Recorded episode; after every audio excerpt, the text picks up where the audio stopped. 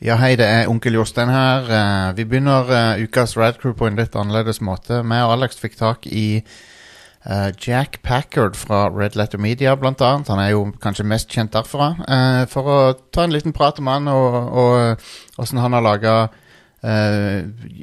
internettvideoer opp gjennom årene. Både om gaming og film og osv. Så, videre. så vi syns det var veldig spennende å, å få muligheten til å prate med han.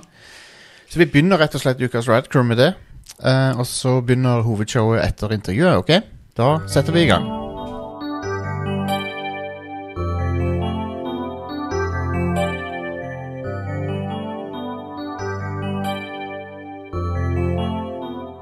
All right, we are uh, indeed very lucky to have with us uh, Jack Packard. Uh, you might know him from such things as Funny or Die, Red Letter Media, previously recorded, The Escapist, and uh, cinematic masterpieces such as uh, Cockgun, the Poop Again PI series, and uh, Fuckbot 5000, Enter the Fuck Lord. You goddamn right. Yes. so, yeah. So, welcome. Uh, it's a great pleasure for us to have you on the show, Jack. I'm just every like one Poopigan PI is one of my very favorite things that I've ever made, and I don't think anyone will enjoy it as much as I do, and I'm going to be okay with that. Well, yeah, I think, Oh yeah, Alex. no! It, uh, for us, it certainly goes into the category, as you heard, of uh, cinematic masterpiece. Uh, Absolutely. Absolutely. yes. So, yeah, you, Yeah. Yeah. Go ahead. No, I just wanted to say you. Um, uh, first of all, welcome, and uh, secondly, um, you've uh, you you were one of the. Uh, you've been doing video on the internet for a long time, right? Absolutely. Well, you know, thank you for having me. I do enjoy uh, chatting with people, so this is fun. Yeah, I've been, you know, I'm an old, old man now. Uh, and so, uh, you know, I'm almost 40. Ugh. Same here. Uh, so, so, like, I've been, I've been making short comedy videos since before YouTube. Uh, I started making comedy shorts with uh, my cousin, who who went on to be uh, a director over in Hollywood, and so we we were making weird short internet video or not internet. We we've been making weird short comedy videos since forever, and then like YouTube happened, and it changed it changed our lives because uh, before YouTube, you would have to actually like host videos on your own website, and they would be like 320 by 125. Yeah, and, you yeah, know, yeah. You need to download the real player in order to watch them. yeah, yeah, yeah.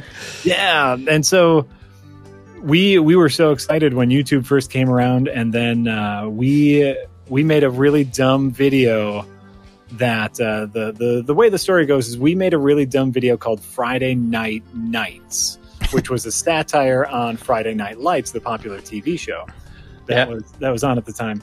And you know, it was it was just dumb and it was funny. And we had heard that this new comedy focused internet video website, Funny or Die, was about to go online. And you know, we had a friend who worked for a company who heard about it and was like, "Hey, this is happening tomorrow. Get your video up there tomorrow." So as soon as it, it the website went live, we put our uh, this dumb internet video on there, and then the most amazing thing happened. The internet broke. So many people went to Funny or Die that it broke the internet. Wow. And back in the day, uh, it was the most recent thing uploaded was on the front page right after like the famous landlord video, the Will Ferrell uh, getting yelled at by the little girl video. yes. Yeah, yeah, yeah. I remember that. So you'd watch you'd watch that video and then you'd go to Funny or Die's front page. And so our video got stuck on the front page for an entire day, like the day that Funny or Die launched. awesome. Luck of the draw, right? Yeah. Absolute luck of the draw. And so, you know, that video blew up over on Funny or Die. And uh, my cousin actually got called in to audition for Eastbound and Down, the uh, the Danny McBride Oh yeah, show. yeah, yeah, yeah, yeah.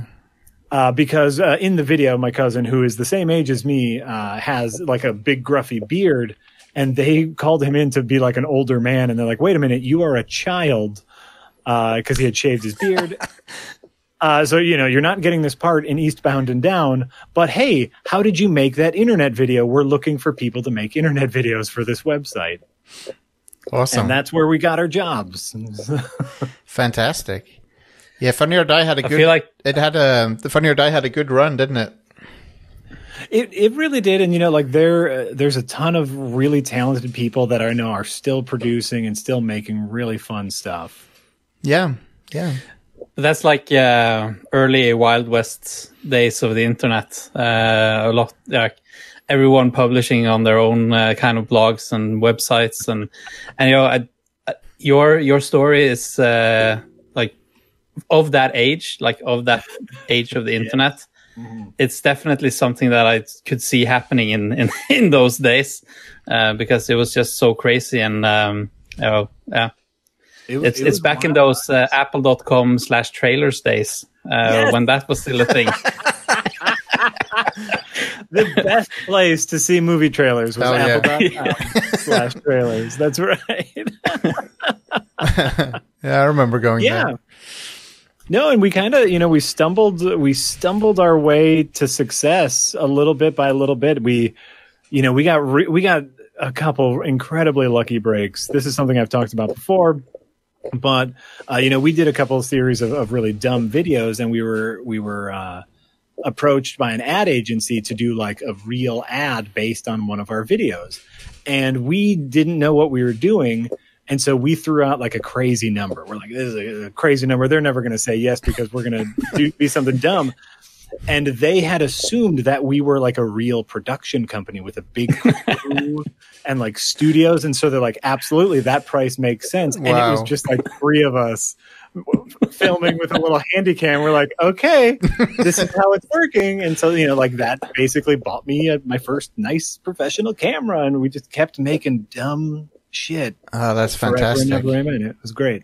So, Great time. and you, ju- you just know that there's some kind of uh, business uh, guy in, uh, who approved that deal going like, uh, well, you can't curb talent, you know? It's like, uh, Well, apparently, apparently they had bought ad space on the Xbox 360. wow. like if you remember back in the day, you go to your Xbox 360 and then like little video ads would play, and the video we made for them performed very well on the Xbox 360. Well, there you go. You know what? I'll take it. They're happy. I'm happy. I'll Fantastic. fine. Everything's fine. That's fantastic. Um, Would you say you kind of uh, uh, worked, or uh, by by some luck and by hard work, you kind of worked your way up to success? Uh, Right? and and we are, uh, you know, we we do a podcast show, but we also try to do a lot of comedy to make the whole thing entertaining. yeah. And you know, comedy is a um, is something you have to practice over time.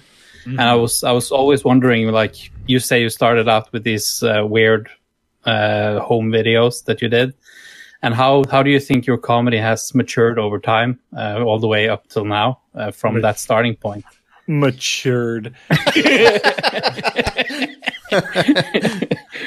yeah, no, um, no, it, hasn't. Is the is the true true answer? I still find you know dick and fart jokes to be the height of all comedy. yeah.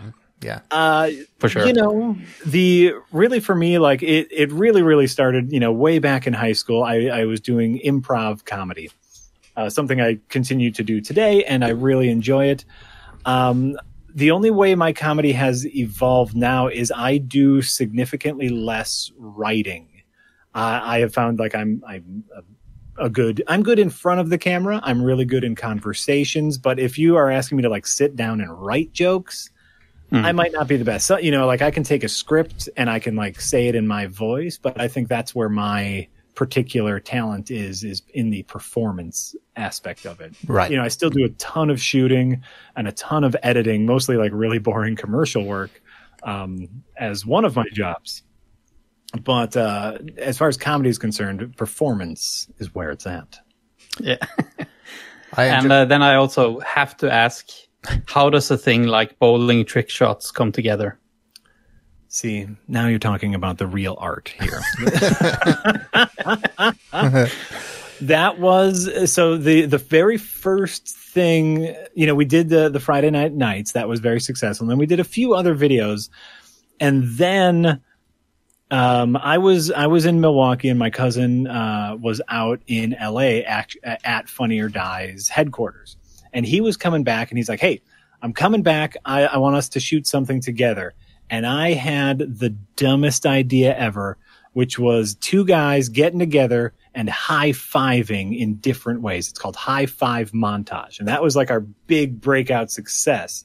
And it was super dumb and it was very, very successful. It was just two guys high fiving in weird ways in, in uh, my aunt's backyard. That's it. And so we kind of found this flow with um with montage videos you know just inter people doing weird things to awesome music that shouldn't be awesome uh, my brother is the star of the bowling trick shots video and he had this idea um he had this idea about like sports trick shots this was kind of like in the really early days of dude perfect which are, are now Yeah. is its own Oh yeah, right? yeah, yeah, yeah. And so like this was in the really early days of that. And he showed me a couple of their videos and he's like, this is awesome. We could never do this. Is there a, is there something we could do like this that's funny instead of like impressive?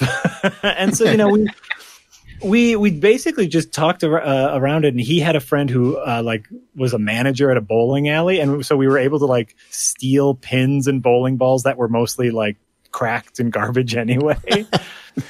And it's just something we put together and shot in our free time, and it was really fun. Uh, you know, same with the uh, the pass me a beer montage, Oh yeah, yeah, Yeah, yeah. yeah, yeah.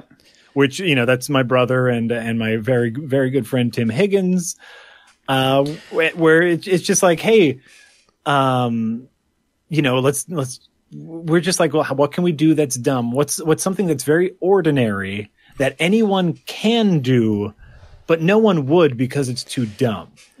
you know, that's that's the formula Yeah. to the good montage. Ti uh, Tim Higgins, by the way, very, uh, very entertaining on the episodes he's been on of, of uh, Best of the Worst and stuff. It's like oh yeah, so funny. I, he- he's fantastic. yeah, he cracks me up.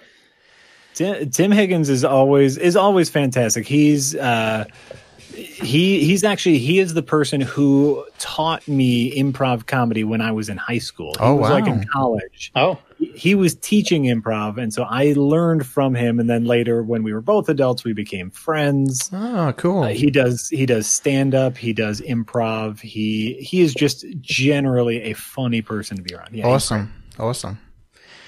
Uh, so yeah, that I mean that I guess that brings us to um, to your um, Red Letter Media um, uh, days. Where you still are? You're still working there, right? Uh, from time Oh to yeah, time. yeah. we're working. There. yeah, working. Sorry. we come on. We get together. We watch bad movies. Uh, you know the yeah, and so basically, I was working at Funny or Die making um, internet comedy videos, and at the time, Mike and Jay were mostly actually they were like wedding videographers in their free time. right, right. Ooh, pardon me. And uh, and they were making goofy internet comedy videos in their free time. And we had a mutual friend, you know, like it's Milwaukee, it's not a very big town. And so we had a friend, uh, a mutual kind of friend of a friend. It was their friend and it was a friend of my friend. Doesn't matter. Uh, and they said, Hey, you guys should meet because you both make comedy videos. And really, we met because they were shooting something and they needed actors. You always need Oh. actors. Yeah. yeah. And so they're like, hey, can you come and be an actor in a couple things? And I said, sure. And we then just got along. And they knew I made videos. And so whenever they would be on camera, they'd be like, hey, can you just make sure we're in focus and hit record? Like, can, can you handle that? And I'm like, oh, yeah. I can handle that. And so, yeah, basically it was just we had very similar senses of humor. We got along with each other. And we could, more importantly, we could count on each other. Where it's like, you know, they would say, "Hey, can you show up and do this thing?" I'd say yes, and then I'd say, "Hey, I need help making this music video I'm making. Can you come and run camera?" Yes, and so uh, the, I guess you know, for anyone who is looking to, uh, you know, make friends in the business, uh, you have to be reliable. That's it. That's all absolutely, you have to do. Just show up and help where you can. Yeah. That's all you have to do. Yeah, totally. Yeah. And so we became friends and uh, i was you know like i i was there I, i'm i'm in the uh, the earlier plinkett reviews actually uh, in the in the star wars episode one plinkett review when i'm being interviewed about uh, mike's asking people about like describe- Characters. yeah, Yeah. describe the characters he's filming me on my front porch and he did that while we were also filming a v- music video that i was directing All right. And so Mike actually like stopped, like I'm I'm in the middle of a music video that I'm shooting, and Mike goes, actually, could we like take like a 20 minute break? I need to like record something for something I'm working on, and I'm like, Mike, you dickhead. uh, so, uh, but like Jillian, uh, who's in uh, Feeding Frenzy, who was also in the the episode one review, was in a music video. I I was recording, and so he recorded Jillian and myself, uh, because that's how it worked, you know Yeah. and uh and yeah i was there for like the first uh, half in the bag episode as was tim higgins actually. Funny funnily enough tim higgins was in the first half in the bag episode. And we just kept making stuff until eventually we started uh you know having bad movie nights. Yep. and and then we decided to make you know the biggest mistake of our lives which was monetizing our hobbies and say hey we're entertaining enough watching bad movies. We should do this uh, as Yeah. a show. And so best of the worst was born Amazing. Oh, fantastic! No, I, I feel like that show is pretty much. Uh, it's it's one of those shows where it's you feel like it's specially tailored to yourself. Because Yeah. uh, I, I mean, me and my brother have been a fan of like the concept of a bad movie for uh, quite a while. Like all the way back in, there's a website called badmovies.org uh, where they have a forum and they rate certain bad movies on the notion of them being soul crushing or them being so so good that they're funny or so bad that they're funny. and that whole concept is just so cool to me. Uh, it's amazing and what? so yeah, and what? what on that, yeah. yeah. No, I, I just, And on that, how many soul crushing movies can you take before you find one of those gems? Like, how, how many can you actually stand? How many do, can you watch before you yeah. need a good one? right right you know the the thing that I, I keep bringing up with best of the worst which which by the way I, you know overall it's a good time i'm hanging out with my friends we're watching bad movies it is a long work day because you know we Yeah. do it all in one day it's it's a 12 hour workday. we you know we watch three movies we record the discussion it's it's a little soul crushing but but you know it's also like it's really a day to hang out with your friends and and so Yeah. it, that's really that's the nice part but something i keep saying is the reason that we love bad movies is because we love movies you Yeah. know like we love movies so much we love the art and craftsmanship of creating a movie so much we even love it when they fail and we Yeah. love figuring out why they fail you know Yeah. where it's we, we love it's a puzzle that we're putting together and sometimes we have a we have a bad night you know sometimes we it, it- the movies aren't good poor patton patton oswald came was like was so nice this man was so nice. He took time Uh. out of his day. He took time away from his family to hang out with us for a day in Milwaukee and watch bad movies. And the the the the Plinketto board giveth, the Plinketto board taketh away. yeah. And that day it took away. But, but then you know you get like joyous things. You you you get your weirdo uh, like like that Dungeon Master movie in, in the latest episode that I was in with Bull from Night Court. That's a weird ass movie yeah. Yeah. full of joy. You know. The uh, yeah. I That, think one of the um, the one of the things that uh, I enjoy very much is the when you see that there is a very specific vision that they were going for, That just but it, failed. yeah, I, I, I would much rather watch a video where it's it's um, or, or a film where it's clear that everyone gave it their best, but it still came out horrible. Ra- rather than watch something intentionally bad like Sharknado or crap like that. you know, like we like for like Miami Connection, which was actually a very early episode of Best Yeah. and Worst, where everyone in Miami Connection is giving one hundred percent. None of them, none of them know what they're doing, and it's Yeah. fantastic. That or, or like like us it's it's basically it's samurai cop versus samurai cop 2 i don't know if you've had the displeasure of seeing samurai cop 2 yes, uh, I've seen that. It's not. It's not the same thing. It's not the same, is it? It's like no because they know they're in on their own joke and so they're purposefully making it bad it's like no that's not why we love samurai cop yeah, yeah. You love it because of the the the sheer incompetence uh, on display. but so um, on that note, uh, I would like to give uh, like you to um, uh, give your thoughts around. We, we've selected three specific ones. okay Uh, if you can further expand on that, and uh, the first one is of course uh, the fantastic twin dragon encounter.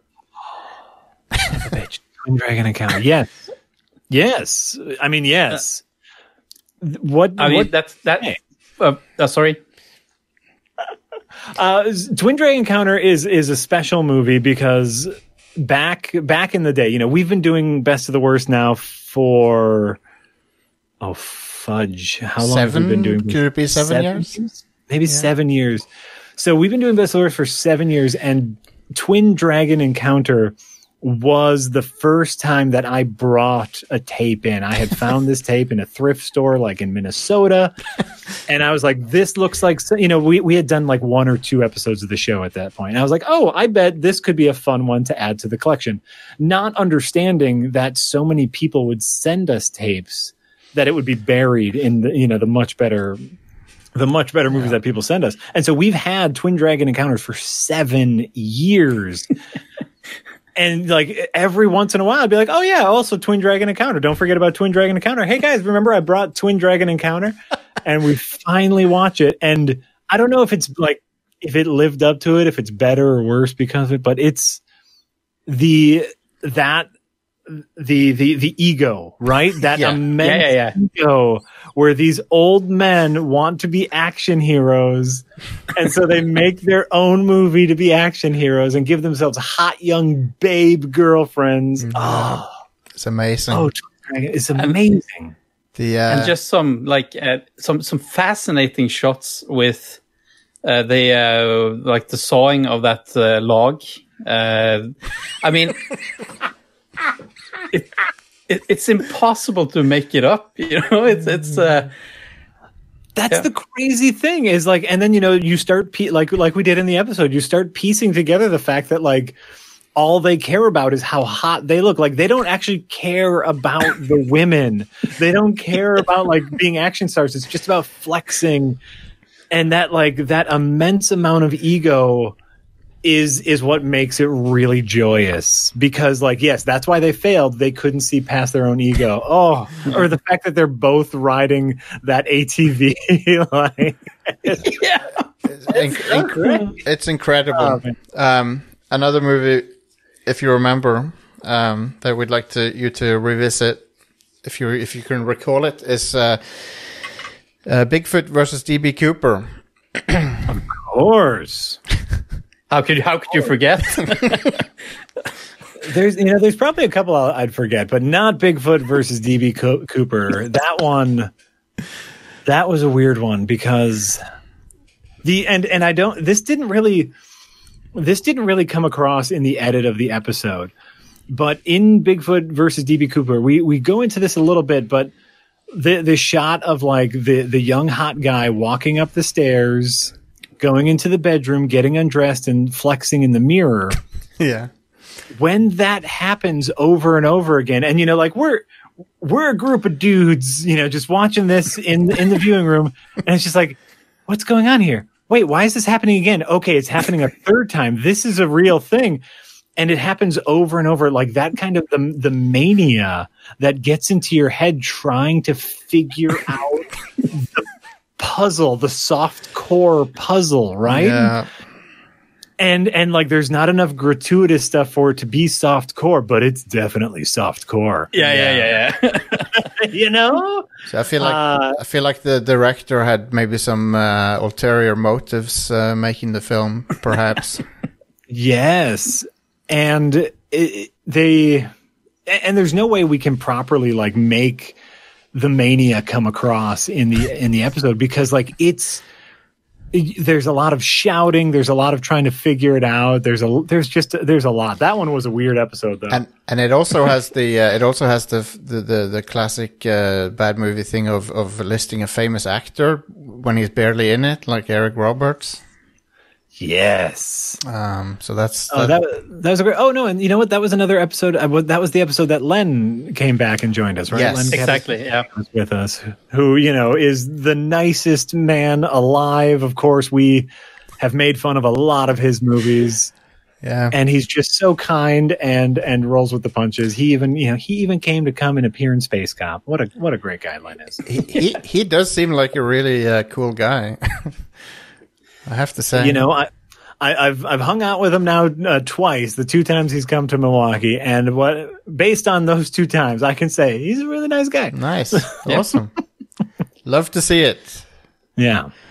And then one of my one of the best videos that I know of online, uh, and that's you know uh, of all of the videos online, this is one of the absolute best ones, uh, and that's uh, the episode with uh, suburban Sas- Sasquatch.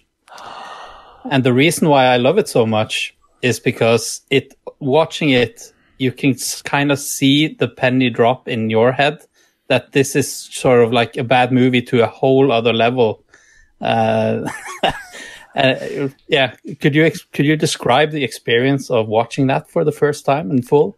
right uh, the uh, the answer is no because like uh, have you seen the movie like have you found suburban sasquatch and seen the movie It's it's a bit hard to get a hold of the whole thing, but I've watched clips wherever I uh, wherever I can find them. I've watched clips of it. it's it's just amazing. It's just amazing the the amount of incompetence Yeah, that that is on display with suburban sasquatch.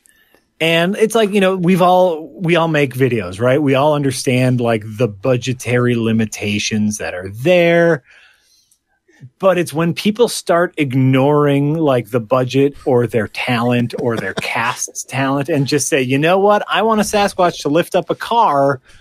Fuck it i'll make it happen right? And he lifts up a car and it looks like a, a wobbly piece of paper.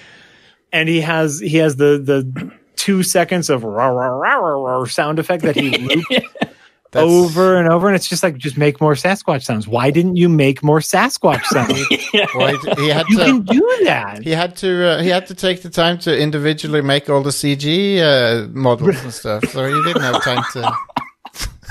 it's that one yeah that one is really really special Yeah, and then you know what, what makes it what made it even more special is like seeing some behind the scenes interviews where he is taking himself incredibly seriously as a director as a creative like Incredible. talking about like like oh i had a script treatment out to a friend of mine uh, who was doing costume design it's like what the hell are you talking about you bought that bigfoot costume at a dollar tree um, but you know, because he takes himself so seriously, you know that that ego is in front of everything. it's to me, like something more special than Suburban Sasquatch on that level is Partners, which is I know Oh, like yeah. buried after the weird black spine episode.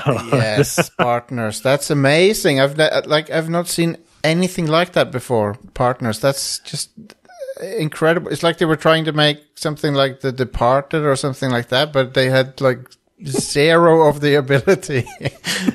well, and apparently, like that director was teaching film in New York. He was Incredible. teaching film, and you know the reason we got a copy of Partners is one of his students sent it to us, saying like our professor, our film professor, keeps referencing his own movie Partners as filmic greatness. Would you Oh guys my take a look at this?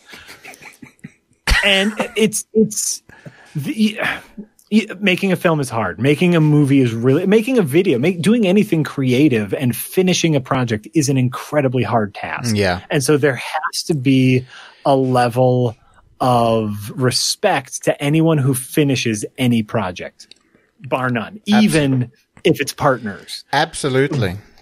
Absolutely. But that does not mean that they are free from criticism because you know you you watch these sequences in that movie or in in any of these movies whether it be suburban sasquatch with the looped audio or whether it be you know like partners with the weird like night 20s uh nightclub scene where the lady's singing and it's clearly not the lady and you're like why? Why can't you see that this is awful?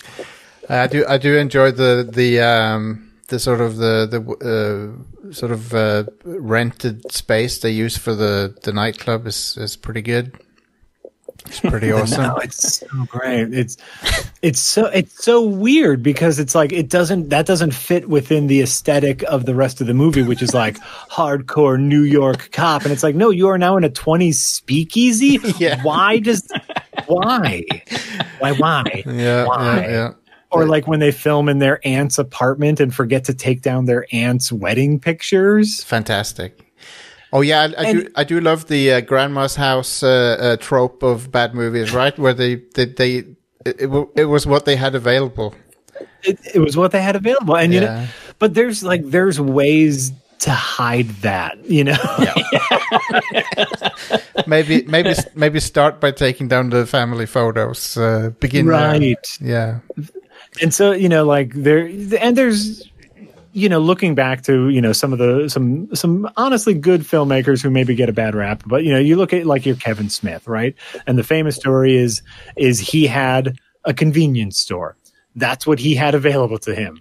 And so that's what he wrote his Yep. movie around is Yep. working in a convenience store. And clerks is fantastic. It's one of my favorite movies of all time. I agree.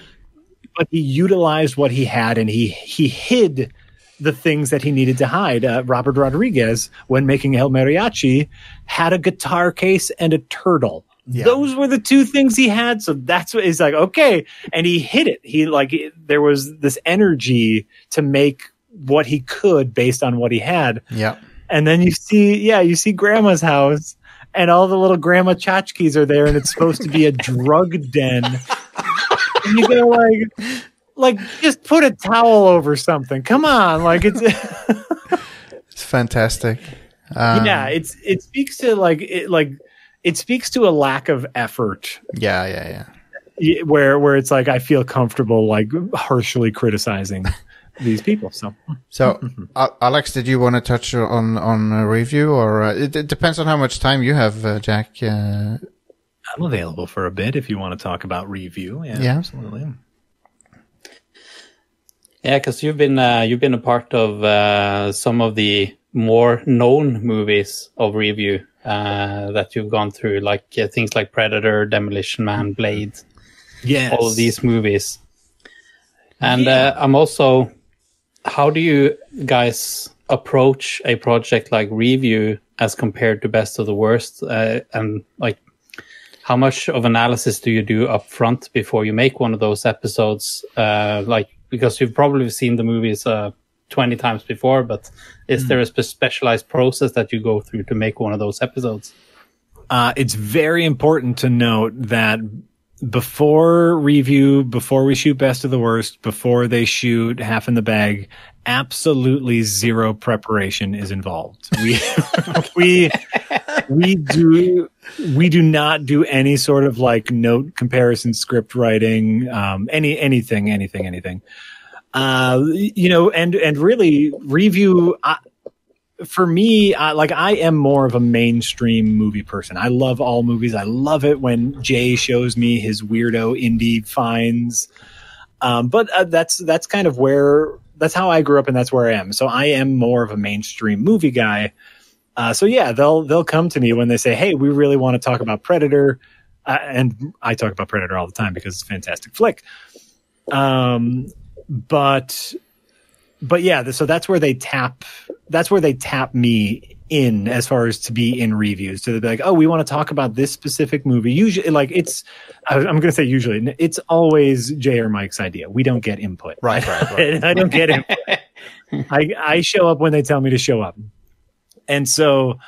Like you know, Jay wanted to do uh, a look back at um, uh, Reanimator and From Beyond, and I had seen Reanimator uh, way a long, long time ago, and I'd actually never seen From Beyond. And so that was the perspective we could take it from. It's like Jay is an old school From Beyond viewer. I'm a new From Beyond viewer, and that's where we can have the conversation. But we, we're movie people in the bad sense where we remember things about movies and and we don't remember like things in life. Like i won't remember what i'm supposed to do tonight Yeah. but i will remember sequences in movies. And so yeah we there there's no notes there's no there's no nothing. We just start talking. And really the magic of red letter media is in Jay and Mike's ability to edit our rambling into something cohesive. That's the real magic. Yeah. That's the that's the magic uh, sauce. yes. Yeah. And so, you know, like, and, and I, I've gotten to talk about some really fantastic movies that I like. I know, you know, one, one that caught me off guard was, uh, we were getting ready for best of the worst and Jay and Mike were like, Hey, Hey, Jack, do you have any special feelings on hackers? And like in high school, I was in the AV club. So we watched a ton of hackers. Uh, and so I was like, oh, love, love hackers. I Nice. talk about hackers all the time. He's like, okay, great. Macaulay Culkin's coming in town and wants to talk about hackers. Like, what? what? All right. Uh, but but that's like that's how it works. Is- Yeah, and so yeah. then I I rewatched Hackers the night before, and we just chatted about it. Awesome. Awesome. Yeah, what's all fun? sorts of fun. Fun hanging out with uh, Macaulay Culkin. You know, I I've, I I was only there for one of his episodes, I think. Yeah. But again, seems like a nice dude. Yeah. Uh, Yeah. for for all I can say, he he's definitely like one. He's a uh, he's a good performer, obviously. Yeah. and so like he's really charismatic on camera. He knows how to share a conversation. He knows how to add. He knows how to yes and if I can use my improv training. uh, and we've had a few like we've had a couple guests who were a little like who are very clever, very smart people, but not necessarily good on camera. And so, you know, Mac is is obviously like well versed, but also very good on camera. So Yeah. just So- enjoy him in general. That always helps. Um, so, Jack, uh, we're nearing the end here, but I wanna I wanna ask you about your current work with um, the, the Escapist because uh, it's um, it's interesting how uh, one uh, pretty big internet personality um, and uh, and uh, yourself, uh, who's also a video big video personality on the internet, you've sort of uh, come together to make stuff. You and Yahtzee. Yeah. Yeah, and you, you sort of come from different places, but but now you're working together. How how how does that work? Uh, how is it working out? It's, uh, I, I I enjoy I enjoy talking to Yahtzee. He's great. We and we had t- we had chatted like via Twitter throughout the years. You know, he he's a fan of Red Letter Media's content. Uh, both Rich and I have been a fan of Zero Punctuation since the very first Zero Punctuation. Yeah, yeah, yeah. Watching. And so, you know, we had kind of found out about that, and you know, Twitter through Twitter DMs, we have been chatting here and there for, throughout the years. Like nothing major, just like, hey, saw that episode, really nice. Bye.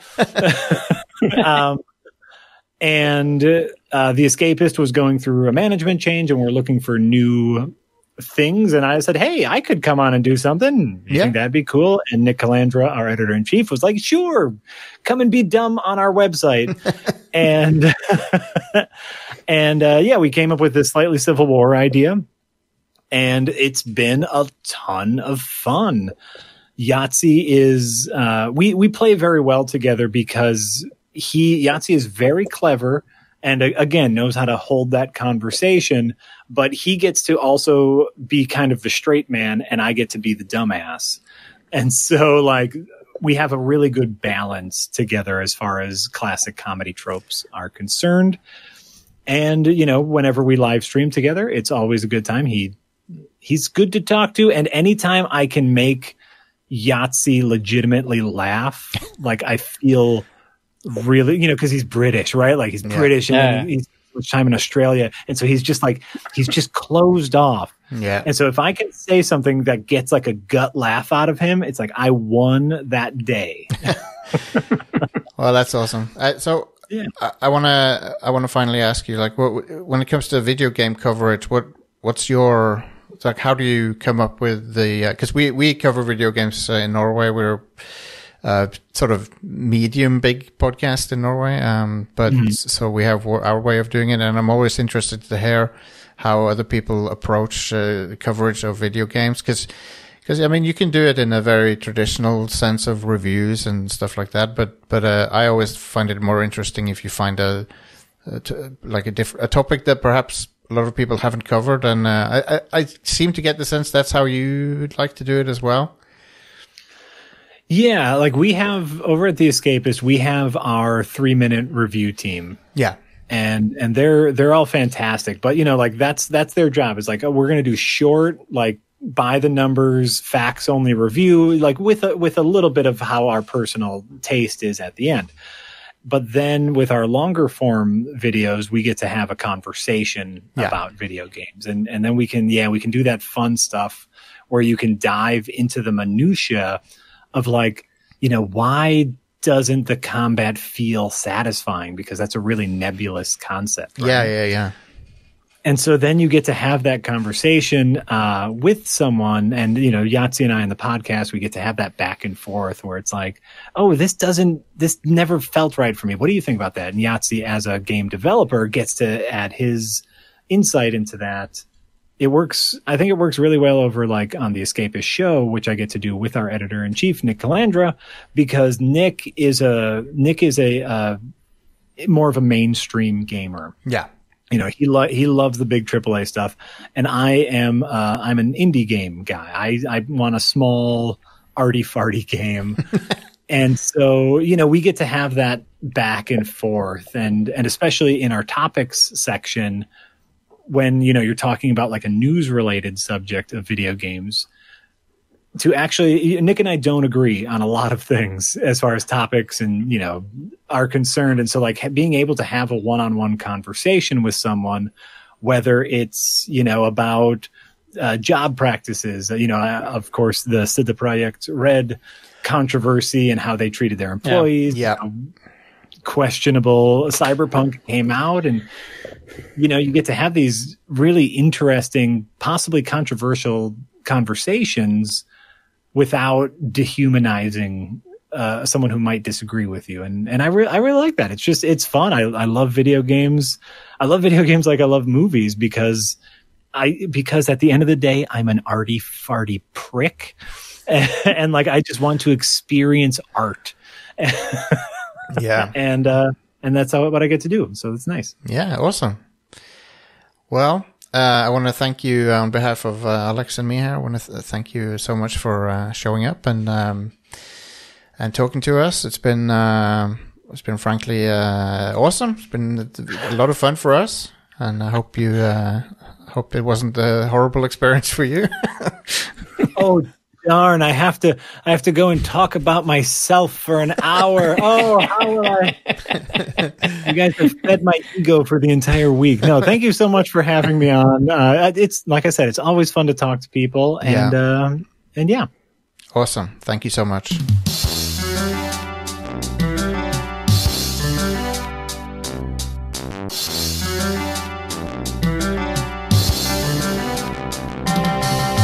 Hei, hei, hei. Vi er tilbake med en ny episode av Riot Crew. Vi skal blaze it up, for at det er BlazeCon har vært nettopp.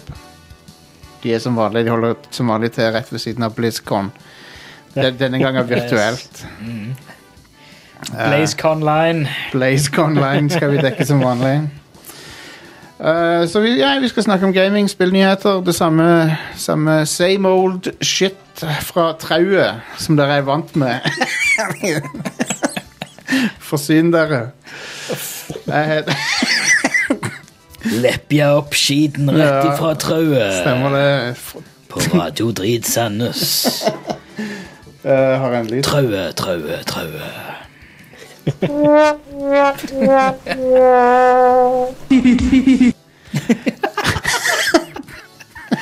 Ok. Åh, kan, kan vi bare ha bare akkurat den, den pi, pi, pi, pi, pi, pi, i begynnelsen? Bare klippe ut det og repetere det. Bare la det strekke seg ut. Ah. Drit i pisset. Vi bare, vil bare ha pi, pi, pi, pi, pi, pi, pi. Så ja. Eh, vi skal ha det, Vet du hva? Det blir et koselig show med oss tre her. Uh, og de, oss tre, da mener jeg selvfølgelig meg, Jostein og uh, fra Lura. Are, hei. Og med meg i studio her, Det er Stian. Stian med ny, nytt hår. Yeah. Så, eller gammelt hår, bare kortere. Ja, det, det er vel Eller det er vel Det innerste håret er vel det nyeste håret. Ja, det er sant. ikke det? Teknisk Jo. Så, Det er sant. Ja. Det er rart hvis det er motsatt. ja, ja, det er uff. Hvis håret hadde gått inn, Du ja. Benjamin Buttoner det- Ja, nei, shit. Ja, ja nei, det, det, det var, var på tide. Så det ble eh, Faktisk så ble det donert. Så forhåpentligvis Ja. er det en heldig uh, Heldig stakkar med For det er en ting som går an å gjøre. Ja, hvis du har langt nok hår. Jeg tror det er Hvis det er mm, friskt, ubehandla og over 30 cm, tror jeg det er. OK. Så, så Som oftest vil Altså, så lenge du klipper av så mye, så vil nok frisøren ta og og spørre om du kan eller vil, eller sånn som det. Så sprøtt. Jeg visste ikke om Så- det. Ja, så er det eh, Så leverer du inn. Så lager de parykker og tupeer og sånt av det. Nice. Så gagner det noen som trenger det. Fint. Så det er bare fett. Ja. Ja. Det er jo kjempebra. Konge. Um, men ja, er du uvant? Ja, nå er du vant med det. Nå, nå er jeg vant med det, jeg har hatt det i noen dager. Eh, Ja. men, og det er jo sånt jeg har pleid å ha det før. I, i mange, mange, mange år. Du har samme, Så- samme sk- ansikt, hår og hår som han i Assassin's Creed nå. Han hovedpersonen. Eivor. Eivor. Ja. Ja, Har du ikke det? Omtrent. Tror, tror jeg nå, nå spiller jeg Assassin's Creed som den kvinnelige Eivor. Sånn. Oh, ja, nei, nei. Så Ja, det er vel en, en, en uh, Sangif uh, slash uh, Nei, forresten, han har fletter, han. Jeg tror, jeg tror han har litt lenger Ja, han har fletter og sånn. han. Lenger hår. Og cornrows. Kan, kan du ikke forandre hårstil? Jo, i jo, du kan du, kan du kan det. Stemmer det? Når du kommer til England, så kan du eh, Jeg tror det er samme sjappa hvor du tatoverer deg. Ja. Mm. Jeg tror de òg klipper hår. Um, mm, mm, mm. Skal vi se Jo, Nok om håret mitt. Eh, skal bare legge inn en melding her, sånn. så, men ja, hvis du, hvis, du er, hvis du er heldig, så kan det være at du eh, får deg en uh, fin ginger uh, tupé. Konge. Det er bra, Stian. Exclusive merch. Jeg har ikke donert uh, hår fra hodet, uh, men Du får- kan donere hår fra andre steder òg. Donere det til Merkins. Så uh, hele teppet jeg hadde på ryggen, det er donert nå. Ja, det var langt nok til at du kunne gjøre det. 30, fa- 30 cm pluss. jeg har faktisk ganske lite kroppshår, hvis det er ikke det er TMI.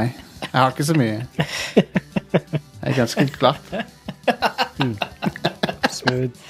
Smooth Jostein. Hørte dere det, ladies? Uh, men ok. så vi, eh, vi har drevet og sett litt på eh, Så et par ganger i podcastens historie så har vi hatt denne lista her som vi skal ha. Vi har jo alltid topp fem-liste, sant? Oh, yeah. Og eh, et, eh, dette er vel den tredje eller fjerde gangen eller sånn vi gjør. gjør det, men det er fordi at lista endrer seg over tid, fordi at det er ei liste over de eh, rett og slett eh, fem spill som eh, vi spør oss hvor blir de av hen? Hvor er de hen? Um, det er Vaporware eller Development Hell eller hva, du- hva du vil kalle det. Spill som er som ikke er kansellert, men eh, hvor er de? Hvor er de nå?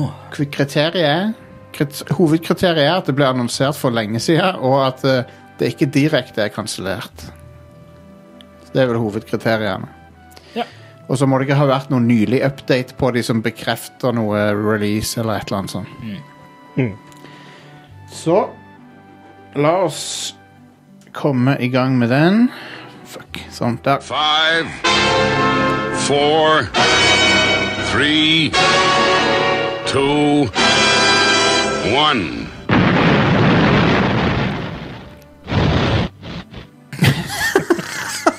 Jeg troller, jeg troller folk. Um, men ja, uh, Get Your Eyes to Mars med den lista her. five, Uh, uh, for øvrig, vi har jo vært uh, Vi var jo på Mars nettopp med denne nye sonden. Det var jo kult. Ja, det var oss. Mm. Ja, vi. Ja. Det er akkurat så fot ja, Når folk sier det om fotballag, så kan vi si det om Roveren. Syns jeg. Yep. Ja. uh, nummer fem er jo eh, Død Død øy i to. eh, Dead Island 2. Deadisland. Det, det, Ja. det, det er det Island. Dead Island. Um, og Det, eh, dette har jeg faktisk prøvd. Jeg Ja. har spilt dette spillet. Ja, det er sant. Stemmer det? Var det gøy? Eh, Det var, det var Dead Det var Island. mer Dead Det var Island. halvferdig. Tek eh, for det, Den gangen så var det Jager som lagde det, og de er jo kjent for um, uh, det derre Spec Ops The Line. Mm, stemmer. Men de lager det ikke lenger nå, Nei, eller? Nei, Nei? jeg tror ikke det. vet ikke. Og eh, Dead Island 2 uh, har vi ikke hørt noe til siden uh, Nei, på lenge nå. så jeg vet da faen jeg. Da, og, uh, imellom, altså, det syke er jo at det der Dying Light skulle egentlig komme etter Dead Island 2. Ja, stemmer. Og Dying Light kom ut for når det er fire-fem år siden. Ja, det er vel noe sånt. Um, så det er jo helt vilt. Ja. Men eh, nei, Dead Island 2. Hvor er det? Det er det vi spør oss om. De kansellerte det aldri, men det er jo egentlig ganske vi får se. Vi får se. Her er det en annen som statusen er veldig, heller veldig mot kansellert, men de har ikke sagt det. four, Eh, som er Deep Down fra Capcom, Yeah. som eh, ble annonsert i forbindelse med når de drev og viste fram PS4 og hva den kunne gjøre. Det så jo helt fantastisk ut. Ja, ja. Ja. Gjorde det. Det er sånn dungeon crawler eh, der du går nedover i ei hule og slåss mot drager og greier. Mm. Og um, så Og det skulle jo være Det ble vel bekrefta at det var samme Samme univers som Dragons Dogma, mm, så vidt jeg forsto. Og det var jo han Yoshinori Ono som var han Capcom-produsenten som var Som leda det. Ja. men sist vi hørte ifra han angående spillet, det var jo i 2019. Eh, Stemmer. han hadde et, et Street Fighter 5-fokusert intervju i Eurogamer. Eh, men da sa han at Sitatet var vel eh, The game has not been completely given up on. Nei. Men så slutta han jo i Capcom i 2020, så da er det jo ingen som vet noe. Nei. Det blir det interessant å se. Du vet jo aldri. Du vet alt. Nei, jeg håper masse at dette kommer ut, for det så så fett ut. Absolutt. Altså en multiplayer, co-op, eh, dungeon crawler eh, i den stilen eh, må jo være fett. Mm. Alle de magieffektene som de blæsta eh, Så veldig kult ut. Det så jo helt vilt, vilt kult. Det så tøft ut, ja. Det gjorde det. Um, OK, så har vi uh, three, Wild. Det, det, det skulle bli Wild, men det ble det ikke. Det kom aldri ut. Det er jo et uh, Arva, husker du hva dette her var for noe? Når jeg sier det? Ikke sånn kjempegodt, nei. Det var jo et sånn et uh, steinalder uh, survival-spill. Um, Det var med han som ble om til ørn eller et eller annet. Mulig. dyr eller noe. det er mulig. Uh, men det, ja, det har i hvert fall en ørn. Ja. Uh, men det er uh, Michel Ans Det som gjorde at folk fulgte med på dette, her var fordi at det er jo han Michel Ancel som utvikla det. Uh, Rayman-fyren. Og uh, hvis ikke så tror jeg ikke folk hadde tenkt noe mer over det. Nei. For det fins det, det finnes jo Sånn survival-spill er jo sånn dime a dozen. Ja. Så. Ja. Men, uh, De det, kommer hele tida. ja. men han men, men Michel Ancel han har jo trukket seg ikke bare fra Ubisoft, han har trukket seg fra gaming. Ja. Mm. For han skulle Han skulle drive bondegård, eller hva faen hva han skulle. Ja. Og det, den nyheten Do, do, do you? Ja, ja. Men den nyheten kom rett før det kom ut at, eh, at han var litt kjip sjef å jobbe for. Ja, det var jo sant, ja. At han var litt sånn eh, ikke så veldig gøyal fyr å jobbe under. Hvorfor folk blir så drit. Ja. Må bare si, Det var ikke noen seksuelle anklager, så vidt jeg vet. Det var, det var sånn eh, type at han bare er en kjip sjef, liksom. Ah, ja. Det er kjipt nok, det. da. ja. Um, men jeg måtte bare presisere det siden det var Ubisoft. Siden Ja. halvparten av sjefene der jeg driver og klår på ansatte. Så. Ja. Men jeg, jeg ville heller Det hatt en som- kjip sjef enn en som uh, klodde på sine ansatte. Ja. Mm. Yeah. Ja, det ser ut som Sony Interactive Entertainment er publisher på Wild nå. Stemmer. Okay. Stemmer. Så Cool, cool. Uh, vi får se, da. Vi får se. Ja. Det kan jo uh, Det kan jo gå begge veier, sånn sett. Ja. Men OK. Og så kommer det en som ikke har vært på lista før two, noensinne, og det er Bayonetta 3. ja, hva skjer med Bayonetta 3? Al- vi har ikke sett noe mer enn en logo. Majonetta.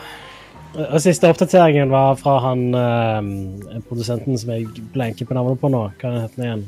Han som alltid bader folk på Twitter og sånt. Ja, k eh, k- k ja damn it. Ja, Kamiya. Ja, Kamiya. Det Ja. siste han sa, var at han ville at folk skulle slutte å spørre noe om Bayonetta 3. Men er det han som lager det? Eller eh, Han er jo eh, topp Nei, han har ingenting med det å gjøre. Men jeg tror ikke det er han som Han directer jo ikke toen. Nei, ok. Nei. Eh, Så det er kanskje ikke han som directer treen heller. Han produserer det sikkert på en eller annen måte. Det gjør han nok. Men det ble annonsert i 2017, og det var en logo. Ja. Og så har vi ikke sett noe mer. Ja, ja. Og det er literally alt vi har sett av det. Jeg synes det hadde vært ekstra funny hadde det bare vært en random dude som ikke har noe å gjøre med spill i det hele tatt, men folk maser på han angående spillet. Ja. Jeg jobber ikke i spillbransjen engang! Så, eh, så ja, hva skal vi eh, Nei, det er jo definisjonen av, av vaporware er liksom når du bare har sett Når de har annonsert det, og så kommer det aldri tilbake. Mm. Og eh, det minner meg litt om eh, når Konami den gangen Konami annonserte eh, et nytt Kontra tidlig på 2010 Tidlig forrige tiår. Ja. Så viste de, viste de fram logoen til nye Kontra. Så det ble aldri nevnt igjen. De viste fram en sånn flammende C, sånn som er på kontralogoen. Ja, ja. Så alle var bare sånn Holy shit, Kontra! Så var det eneste de har vist fram. En flammende C. Wow. Så det er samme situasjon som Bayonetta. Men nå skal vi gi dem litt sjanse, da. Nå, så fire år er ikke unheard of, men eh, det er litt sprøtt å ikke se noe av det på den tida. ja, og det er litt unheard of når det gjelder Platinum Games. De pleier å være ganske effektive. Ja. Jeg kan se problemet på en måte, for det er Bayonetta 2 Hva skal du gjøre etter det spillet med den serien?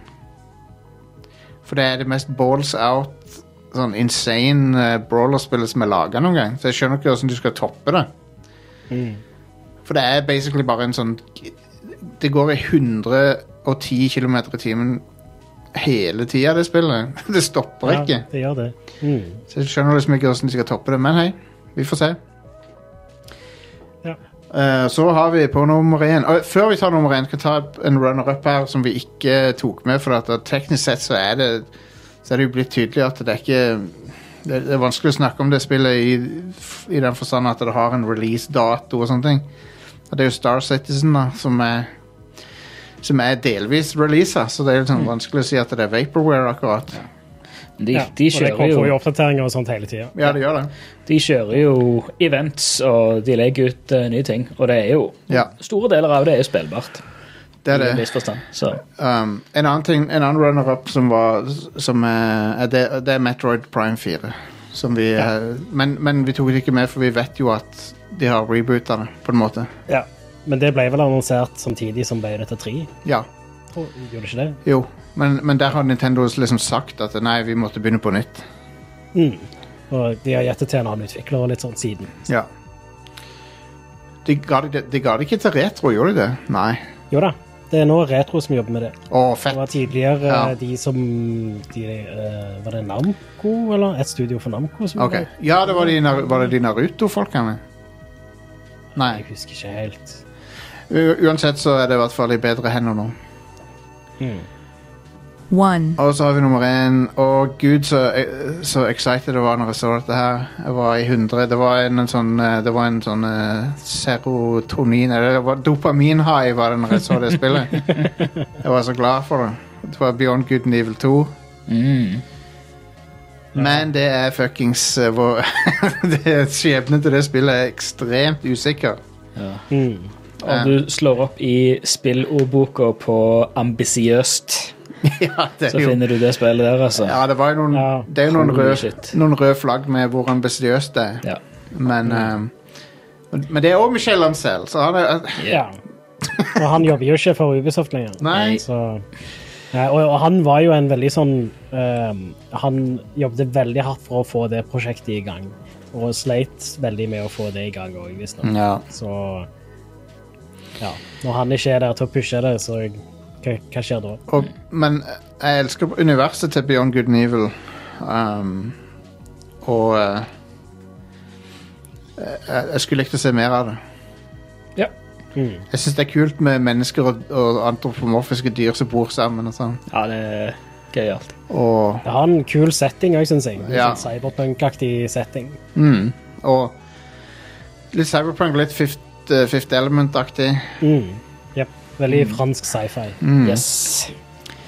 Så den traileren var jo sick. Den var så Ja, dritkul ut. Fy søren. Ja.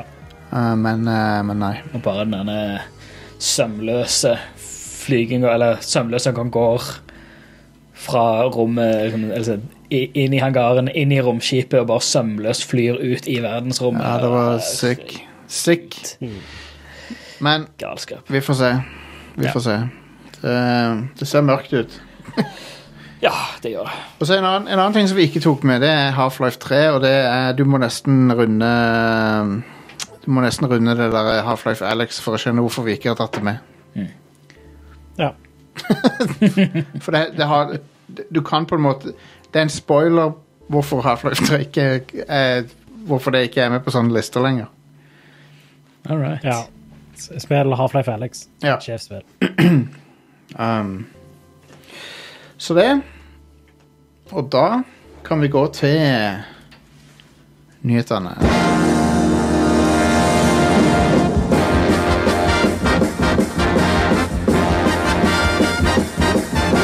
Skulle ønske det var en sånn en uh, volumknapp som jeg kunne justere.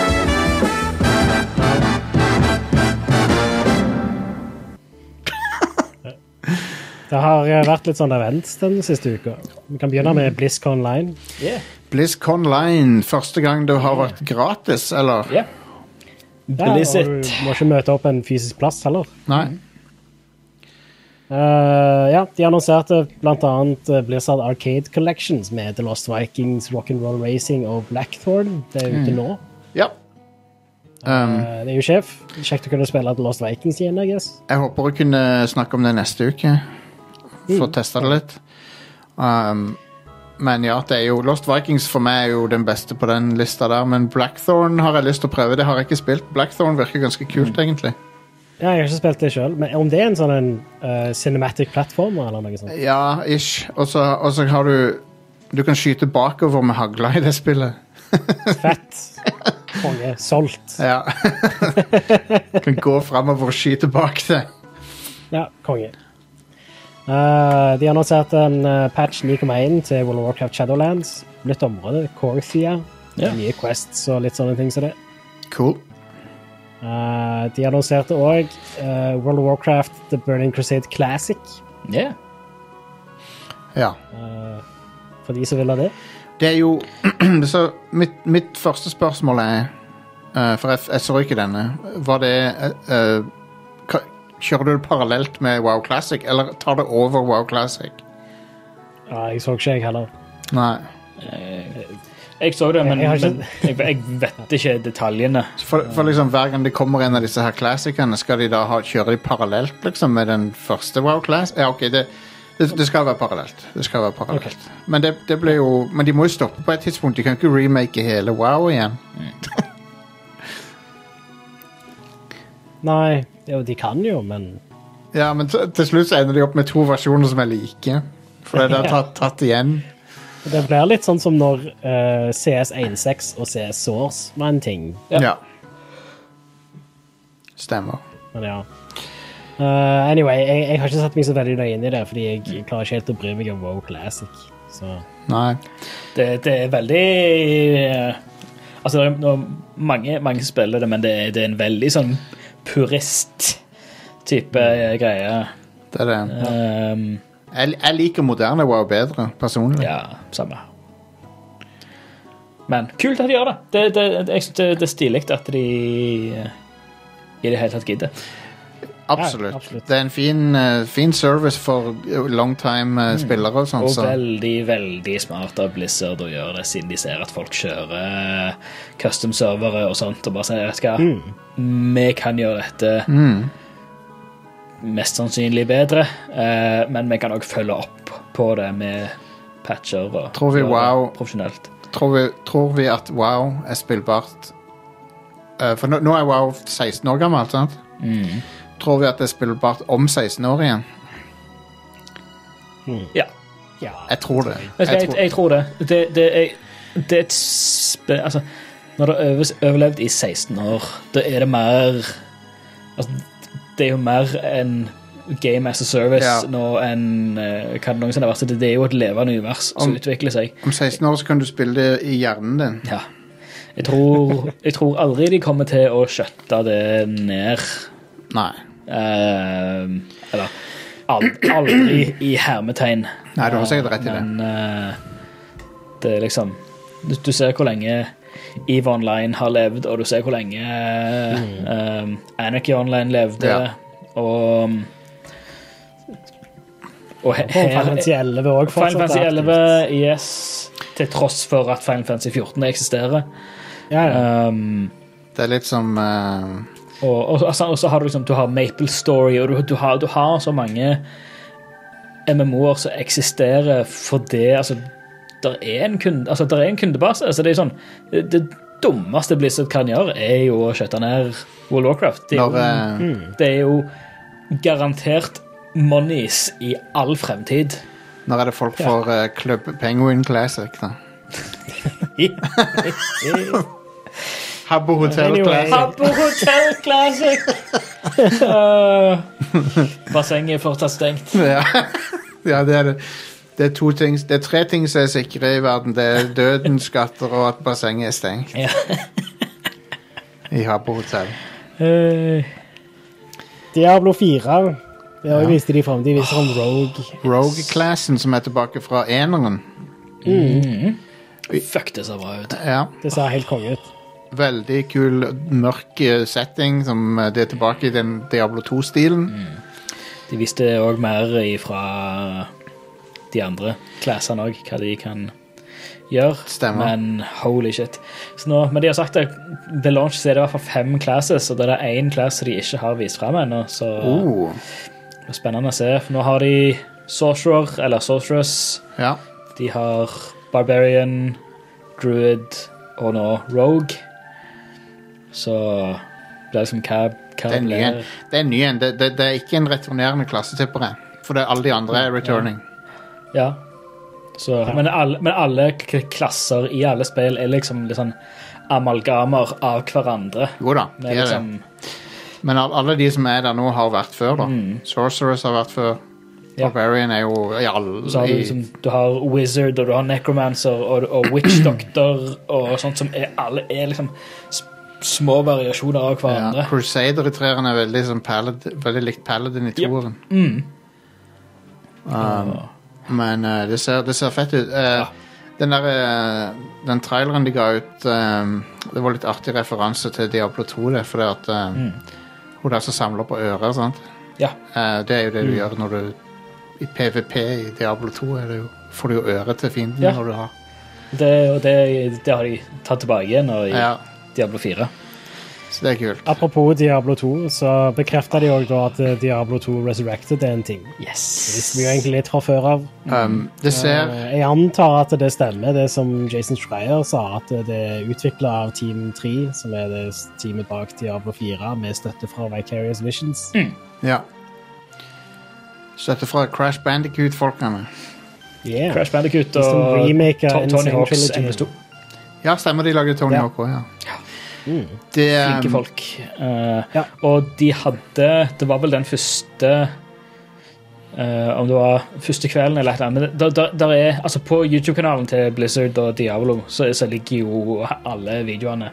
Men de hadde en sånn en deep dive, en sånn Diablo 2 deep dive, og det forteller Det var vel sammen med um, en sånn en speedrunner. En Diablo 2 speed, speedrunner. ja. Eh, Det var han som har verdensrekorden, eller noe sånt, tror jeg. Han var på Games Done Quick i fjor og runda Diablo 2 Lord of Destruction på sånn rett ved to timer eller noe. Jeg så den speedrun. Jeg så den Helt speedrun. Helt insane. Um, og virker sånn opp- oppegående fyr òg. men, men der har de litt sånn deep dive med utviklerne, og liksom, de forteller liksom om faktisk hva de har gjort og gått igjennom av arkiver og filer og sånt for å for, for å lage den oppussingen, og det er Det er ikke rent lite. det, det, er, det er entusiastnivå, liksom. Altså, det er de han, han duden snakka om at han fikk overlevert noe greier, men så sa han dette kan ikke være alt. Nei, for han, han har jo Han har jo liksom sendt, sendt masse mail til sånn For det er sånn, de, de har et arkiv, Ja. Men så har jo alle har jo sine Alt fra gamle harddisker til nettverksfellesområder og mappestrukturer som er sånn ja, Dette kan jeg ikke slette. Nei, nei. Så han har liksom funnet masse sånt med liksom originalskisser og gamle, gamle renders og sånt som enten var på konseptbasis eller aldri kom seg til spillet, eller et eller annet. Og så har de liksom Ja. Og har liksom tonnevis med tonnevis med Det er filer. jo, det er jo verdt å merke seg at uh, at Diablo 2 var sprite-basert, så det at CG-en der var prerendra, mm. uh, mens nå er det jo fullt 3D. Jep. Men det er likevel én 3D-modell som de kunne overføre fra gamle Ja. Diablo til nye, og det var vingene til han Tyriel. Yes. Så det var kult. Det var bare å rendre de ut på nytt igjen. Ja. Så fun filene funker, liksom. 3D Studio Max-modellen. Fantastisk. Ja. Uh, men så sier de at det er fortsatt med, med tweaks så er det fortsatt samme spillmotoren som kjører i bånden. ja. Så det gjør jo at du kan, altså i, i, i altså, Halo-style, bare switche mellom de grafiske stilene. Det er tøft. Eh, men så har de òg eh, en hel haug med quality of life-forbedringer. som, som mye som folk har ønska, og mye folk, som folk ikke har tenkt på. Men liksom, holy shit, dette er jo kjempebra.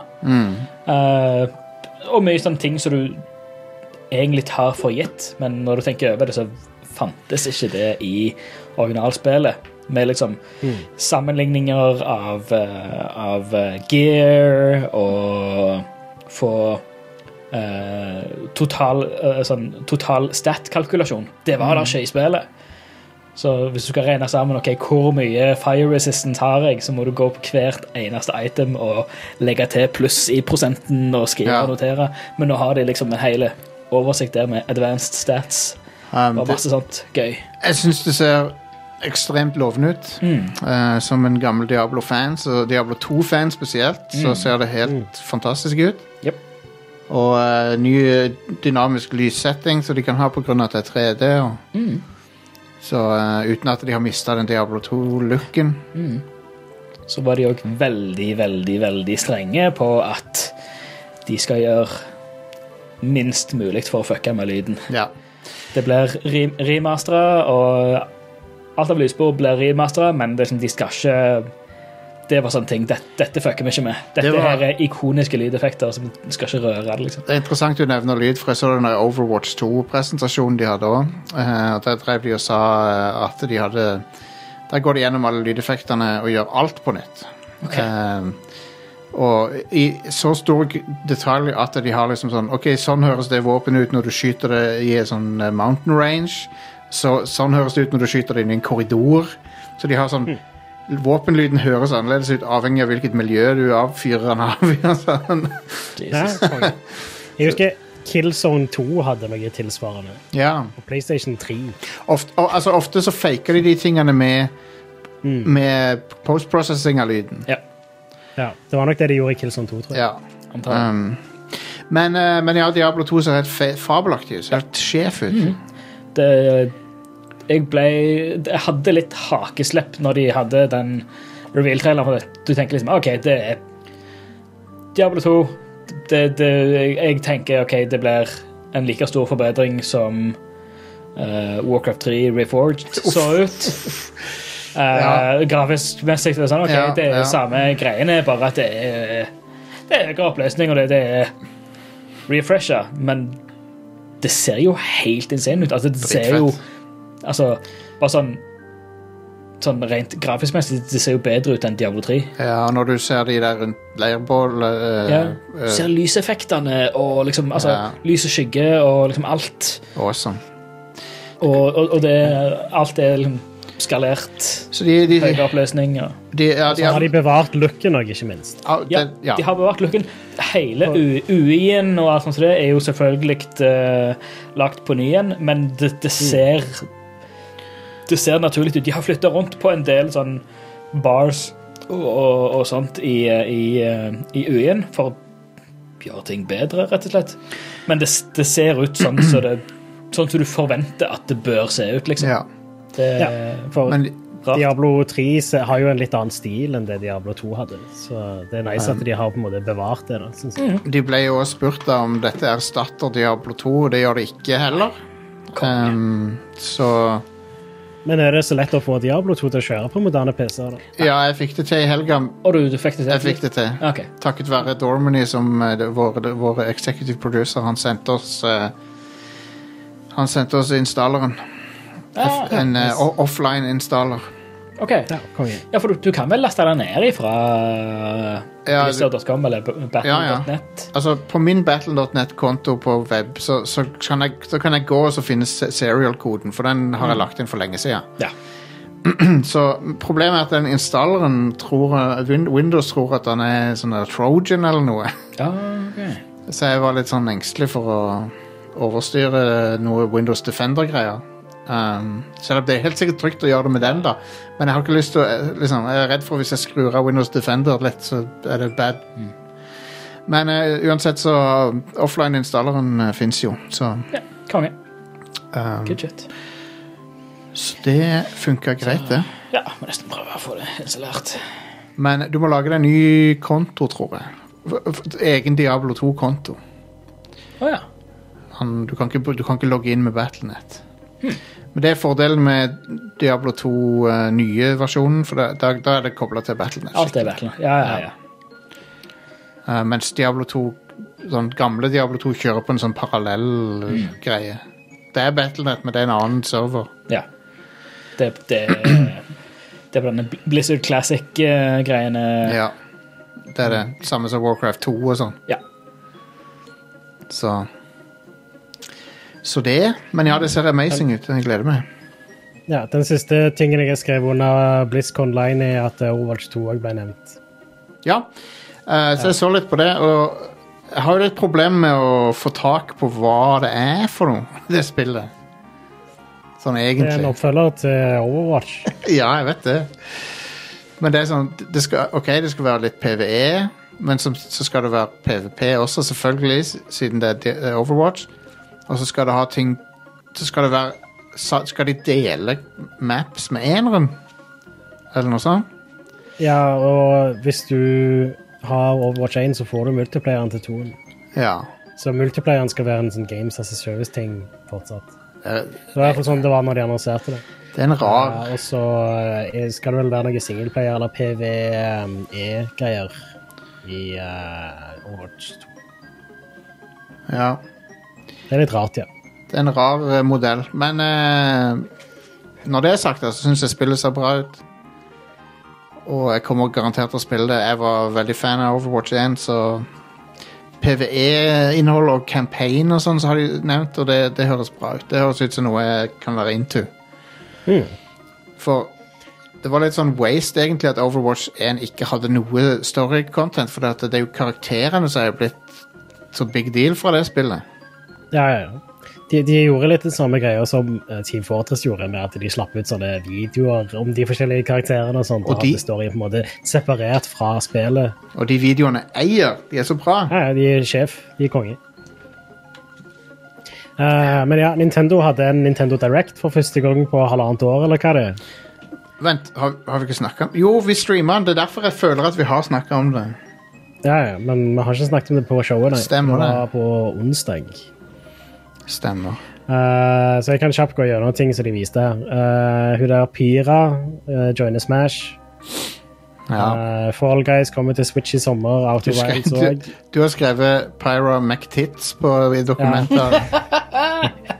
Yes. Det er big, big Det- titty eh, beg, To Ja. big titty ladies fra, eh, fra, fra um, Xenoblade.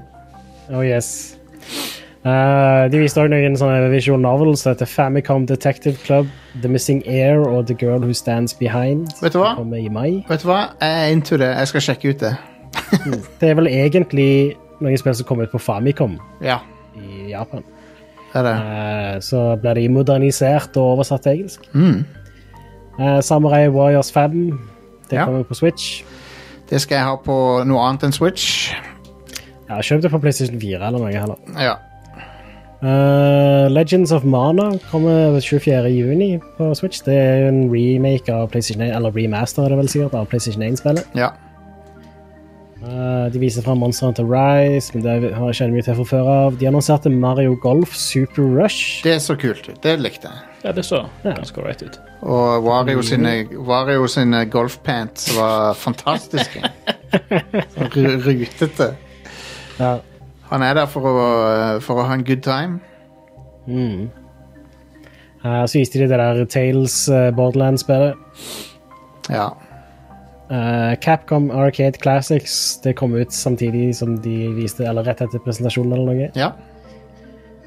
Stubbs the Zombie. Fuck off med det der. All, hvorfor? Jeg har ikke lyst til å se det spillet igjen. Det er så stygt. Piece of shit. Ja. No More Heroes 3. Um, Det- ja. Det ser greit ut. Er- Uh, Neon uh, Win... Nei, Neon White. Neon White. Ja. Uh, det så merkelig ut. En fin mishmash av sjangere. Ja. Eh, ja, jeg vet ikke helt hva jeg skal si om det. nei. eh, det så veldig Grasshopper ut, da. Det Men er det er ikke lagd av Grasshopper. Så Nei.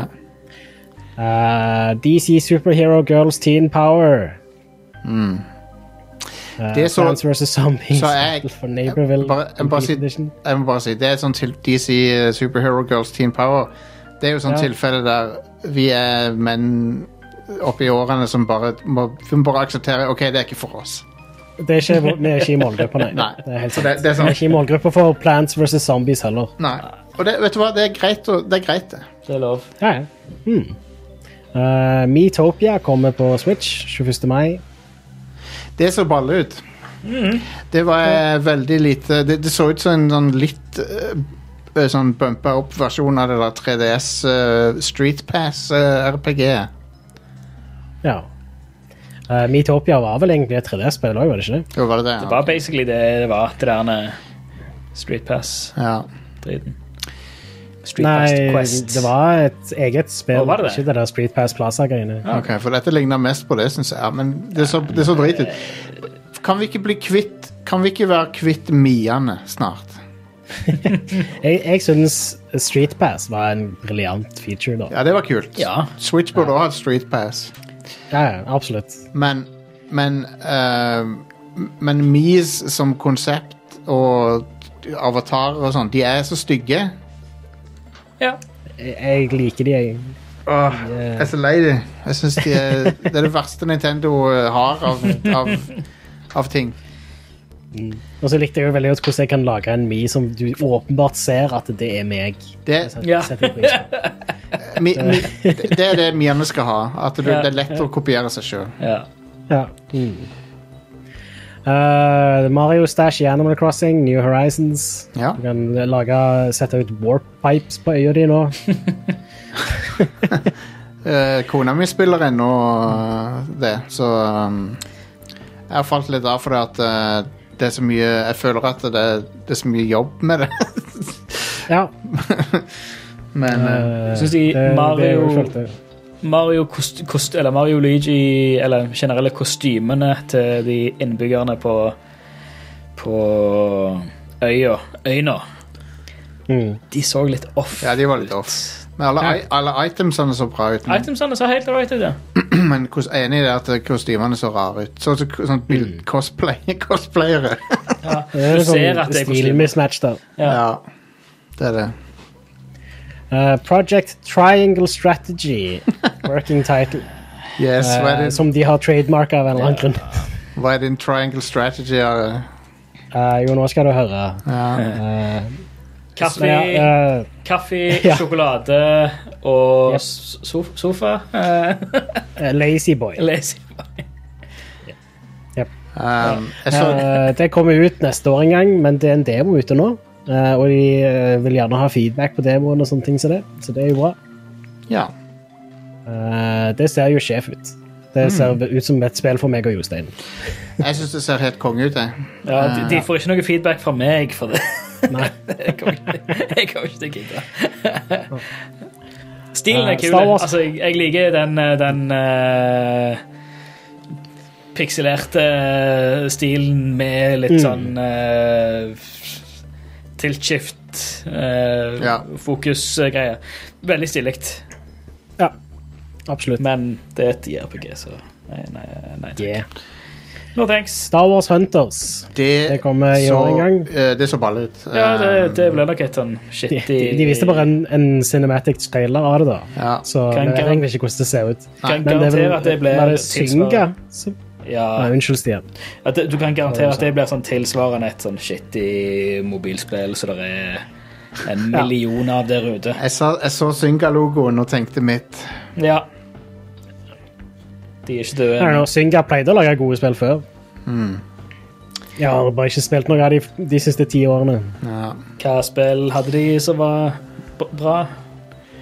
Uh, de lagde det der uh, De lagde Farmville. Ja, altså de, de har lagd ganske mange sånn, ganske sånn vanedannende spill som du bare ja, kaster vekk hele kvelden på. Jo, jo, Ja. Men det, det, det er ikke lik bra spill. Fair enough. Neste. Uh, Knockout City. Yes, Knockout City. R. Kelly sin Det- store hit. Knockout City, er det det sanneste.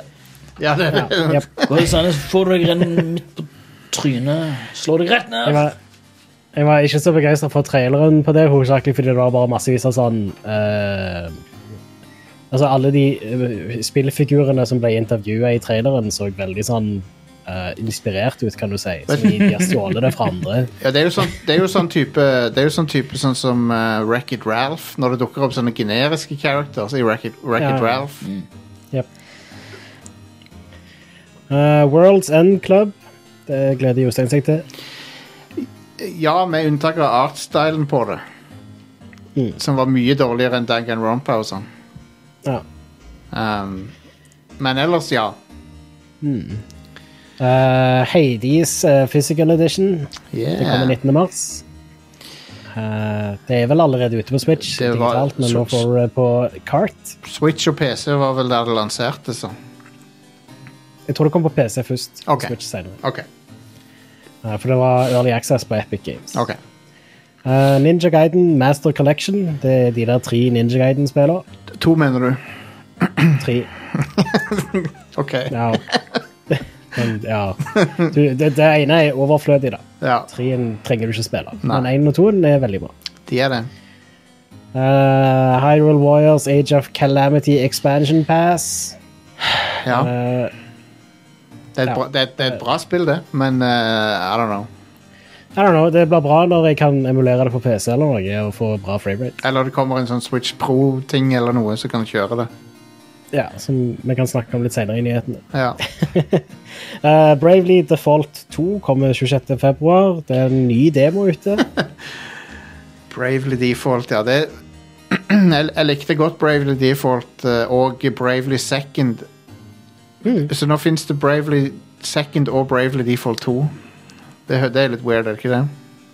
Er Bravely Default 2 det tredje Bravely Default-spillet? Ja. Bravely-spillet? Ja. det er det som er så teit med det. Ja, uh, ja, ja. Men, ja, det kommer snart, da. men, eh, men eh, den estetiske looken de har gått for i Bravely Default 2, er, er, byr meg imot. Den ser ikke bra ut. De har, Jeg syns det så greit ut, jeg. de har, Det så veldig sånn chibi ut. ja, men de har fjerna den der eh, akvarellmalingsstilen fra de to første. Ja. Så nå ser det sånn sterilt ut og sånn Mm. for clean ut. Så jeg liker det ikke. ja. Skjønner. En annen ting som ikke så så bra ut, var Ghost and Goblins Resurrection. Det er Selv om det, jeg syns det så greit ut, og sånn sett. Det er Det så det- litt sånn jeg, Ja. det er det som skjer når du Det er derfor det sjelden funker å gå vekk fra pikselgrafikk. For det ser så Stilen blir så fjern. Ja. blir så Mm. jeg, Men jeg likte På en måte så likte jeg litt animasjonene, for du så litt sånn Ja. Det så ut som et, sånn et, eh, det så ut som sånn Congregate eller sånn uh... Det så ut som sånn, sånn, sånn South Park papirfigur. Du ser at det er lag. Jeg liker ikke ja, det. ja. Eh, hadde de heller hatt det sånn at du ser at det er fint animert, sånn klassisk 2D, da tror jeg det hadde vært mye Mm. nicere. Hva heter det spillet? Det, det hadde vært bedre, ja. Hva heter det nettstedet der du kunne spille flashspill? Congregate, hva heter det? Newgrounds. New, Newgrounds, ja. Det ser ut som et Ja, det Newgrounds. ser, det ser ut som et flashspill. Ja. Det gjør det. Du, du, Ja, kan, du, kan jeg, jeg, jeg har en litt sånn ja, Unnskyld. du, kan, du kan se layers som de har brukt som ligger oppå hverandre. Du kan se spillfiguren altså, at Du ser at det er tydelig forskjellige lag. Liksom. Ja, jeg, føl, jeg føler det var gjengangeren på Nintendo Direct, hvor spill, masse spill som jeg ikke likte stilen på. Men, men jeg føler at animasjonene på det hører litt hjemme i et Ghost and Goblin-spill. Det ser litt sånn quirky ut på en måte. Og så mm. har jeg litt sånn nostalgi for Flash-spill, da. Så, oh, Fair enough. Jo, jo. Ja. Ja. Eh, enough. Saga Frontier Remastered kommer 15. april. Uh, ja. Det Ja. kan bli interessant. Jeg har ikke spilt Saga før, så kanskje, det, jeg kanskje jeg skal prøve det. Eh, Apex Legends kommer 9. mars på Switch. Uh, Eh, ja. og der får du litt sånn XP-boost, så du starter litt høyere level i sesongen fordi det kommer litt senere ute i denne sesongen. ja, fint. Uh, det har jo selvfølgelig crossplay og alt det der. Flott. Eh, og så har vi de to siste tingene, som er de store nyhetene fra denne presentasjonen. Da. Eh, og det er da Legend of Zelda Skyward Sword HD, som kommer 16. juli. Ja. Uh, nå kan du endelig spille det med knapper og analogspake istedenfor waggle. Jeg, jeg spøkte litt med at det, det burde hett uh, Legend of Zelda Skyward Sword HD Ready. Ja, fordi det er 720P. Ja, sånn, sånn som de kalte TV-er før. Ja. For jeg syns ikke det så så jævlig skarpt ut. Det har en litt sånn eh, På uh, Wii i hvert fall, så har det en veldig sånn uh, malt effekt på, uh, i bakgrunnen. Uh, det virker som de ikke har helt klart å bevare det. Nei. samme lavere oppløsning enn det du er vant med i dag. Det, er litt, det så rart ut, syns jeg. Uh, men eh, Men det er, det, det er bra at det går an å spille det uten waggle. Ja. Eh, men jeg håper de gjør noe mer med spillet enn bare å oppdatere styringen. Ja, gjør jeg jo. Det spillet eh, snubler veldig med at eh, Altså, det har mye kule dungeons som er bra designa, men så er det, går de veldig ofte i den at med en gang du kommer inn i et rom, så bare viser de hvordan du skal gjøre ting, og så er det bare å gjøre det. Ja. Istedenfor at du må tenke sjøl. Av og til så er det noen gode puzzles inni der, men veldig mange av de blir bare avslørt før du får prøvd sjøl.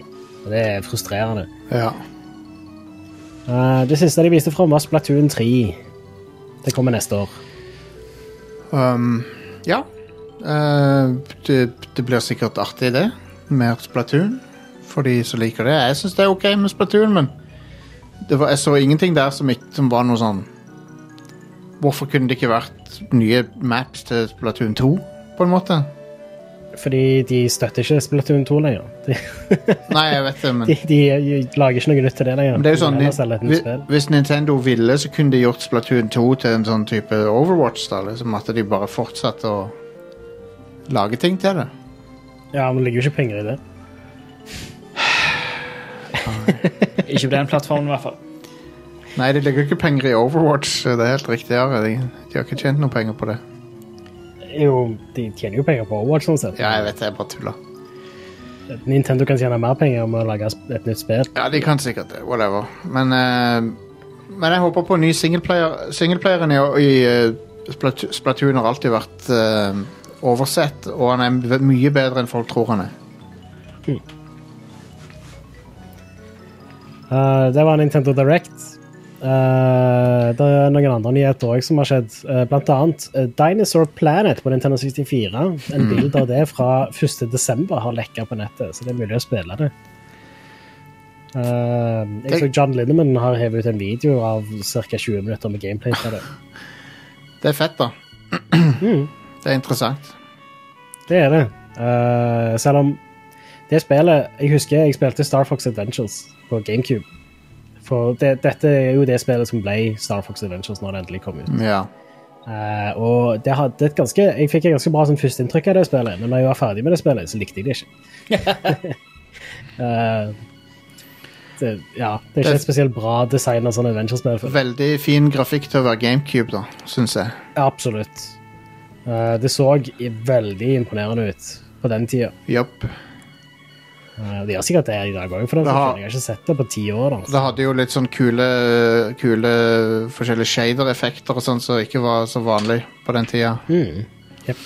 Så Jeg husker gresset var veldig imponerende. Jepp. Gress, pels yep. og vann og sånne ting. Ja. Um, men, men hele Star Fox-delen av spillet føles veldig tacked on, da. Så du, du merker Det på er jo det. Ja, det er det. Det er, vet du. Det var ikke originalt ment som et Star Fox-spill. Nei. Det var ment å være Dinosaur Planet. Ja. Så Uh, så spillet kjører ikke bra på noen emulatorer, men det kjører greit på konsoll hvis du har en flashcart. Så rart. Uh, og det, det er ikke mulig å fullføre altså Emulatorer er jo ikke lagd for å måte, støtte dette spillet. Nei, nei. Det er først nå det har kommet ut. Uh, men um, det, jeg tror ikke det er mulig å fullføre spillet sånn uten å gjøre noe med det. Okay. Det er ikke en ferdig bild eller noe. Jeg skjønner. Men det er en ganske uh, sein bild i forhold til når de begynte å switche over til GameCube-versjonen heller. Så Interessant. det er det. Anbefaler folk å sjekke ut den videoen til John Lindemann eller noen andre hvis du ser det på YouTube. Uh, det ser kult ut sånn sett. Det ser ut til å være et bra Nintendo 64-spill. Ja. Uh, Vampire The Masquerade Bloodlines 2. Uh, så eh, Ebba Ljungerud, i- som er sjef for Paradox Entertainment, uh, avslørte i en sånn uh, årsrapport at uh, Hardsuit Labs ikke lenger leder utviklingen av Vampire The Masquerade Bloodlines 2. ja. De har begynt å samarbeide med et nytt studio for å gjøre spillet ferdig, men de ser ikke for seg at det kommer ut i år. Det, det, dette er et spill som kommer til å Hvis det er bra, så kommer det til å bli ganske populært. Det tror jeg. Jeg tror det, tror det er et stort marked for dette spillet her. Mm, absolutt. Og det så veldig lovende ut, så jeg håper at de klarer det. Det så veldig lovende ut, men det så òg veldig janky ut. Jo, jo. Uh, så jeg, jeg håper egentlig at uh, ja, det blir bra når det blir ferdig. da, sånn sett. Ja. Det, jeg syns, eh, jeg syns looken på det var fantastisk. Mm, absolutt. Så, um, Eh, så det har jo vært litt sånn trøbler med utviklingen der tidligere òg, for det ble uh, utsatt uh, i august i 2020. Da, skulle, da sa de at ja, det kommer neste år en gang heller. Uh, og bare sånn ei uke etterpå eller noe, så var to av de som leda utviklingen, mista jobben. Så Ja. Men eh, Men det, er- det er rom for flere sånne singleplayer-rollespill, tror jeg. Så ja visst. Absolutt. Oh yes. Eh, Days Gone kommer til PC. Ja. ja. Det fortalte Jim Ryan til GQ Magazine. Eh, det kommer flere PlayStation-eksklusiver til PC framover, men de begynner med Days Gone til våren. Stian vil ha God of War. Days Gone Ja. var OK. Ja. Det var OK. Helt OK. Det var ok. Jeg spilte, spilte noen timer av det. Jeg har det jo, så jeg, jeg må få runda det. Det var Kanskje jeg kjøper det på PC. Ja. ja. Det var Det var helt ålreit. Det var liksom det, det, det er litt sånn eh, Det finner ikke opp noe på nytt, på en måte. Eller, eller det, finner, det finner ikke på noe nytt heller. Nei. Men eh, interessant med de der zombie-hordene, da. Det er jo litt artig. Mm. Det var litt Ja. kult. Ja, det er en kule Kule, kule setting og kul mekanikk. Det hadde vært gøy med et spill i den stilen, bare at det var full throttle-universet. det hadde jeg likt. Yeah. uh, siste nyhet jeg har notert meg ned her, er uh, bare et rykte. Eh, det er da Super Nintendo Switch. Eh, eller Switch Pro, om du vil. Ja. Ja, de må kjøre Super Nintendo Switch. Ja, jeg håper det. altså. Ha, Please. hallo! Det er et så mye bedre navn. Ja, Så, hva, så, så lekkasjen her eh, er fra Reset Era. Ja. Ja. Det er en insider som heter uh, Z0M3LE, E, eller Somele, eller whatever. ja. Um, så uh, han har hørt da at eh, Switch Pro eller Super Nintendo Switch er tilsvarende en PlayStation 4 med bedre prosessor. da. PlayStation 4 og Xbox One har jo ikke så spesielt bra CPU-er, men Nei. skal visstnok ha bedre der. I tillegg så skal det støtte DLSS 2.0. Oi. Uh, og det er jo uh, logisk for den saks skyld, fordi Nintendo bruker jo Nvidia ja. Ja. eh, GPU. Eh, så hvis de skal oppgradere GPU-en, så bør de jo bruke Nvidia sin DLSS-teknologi, tenker jeg. Eh, og det lager litt mening da at um, ja, spill eventuelt kjører rendre i 1440P og så oppskalere til 4K med DLSS. da. OK. Uh, I tillegg uh, så er det noen andre som oppdaget uh, med å datamine et Switch-spill at det var en profil i det som rendra spillet i 1440P. ok. Eh, og det samsvarer litt med de tingene som han da Somele har hørt. da. Hmm. Eh, at det kanskje er en profil for en eventuell Super Nintendo Switch. Uh, så det er interessante rykter. Um, Cool. Men det høres mer Ut ifra de, det han som melder sier, så høres det mer ut som en neste generasjons Switch enn en Switch Pro.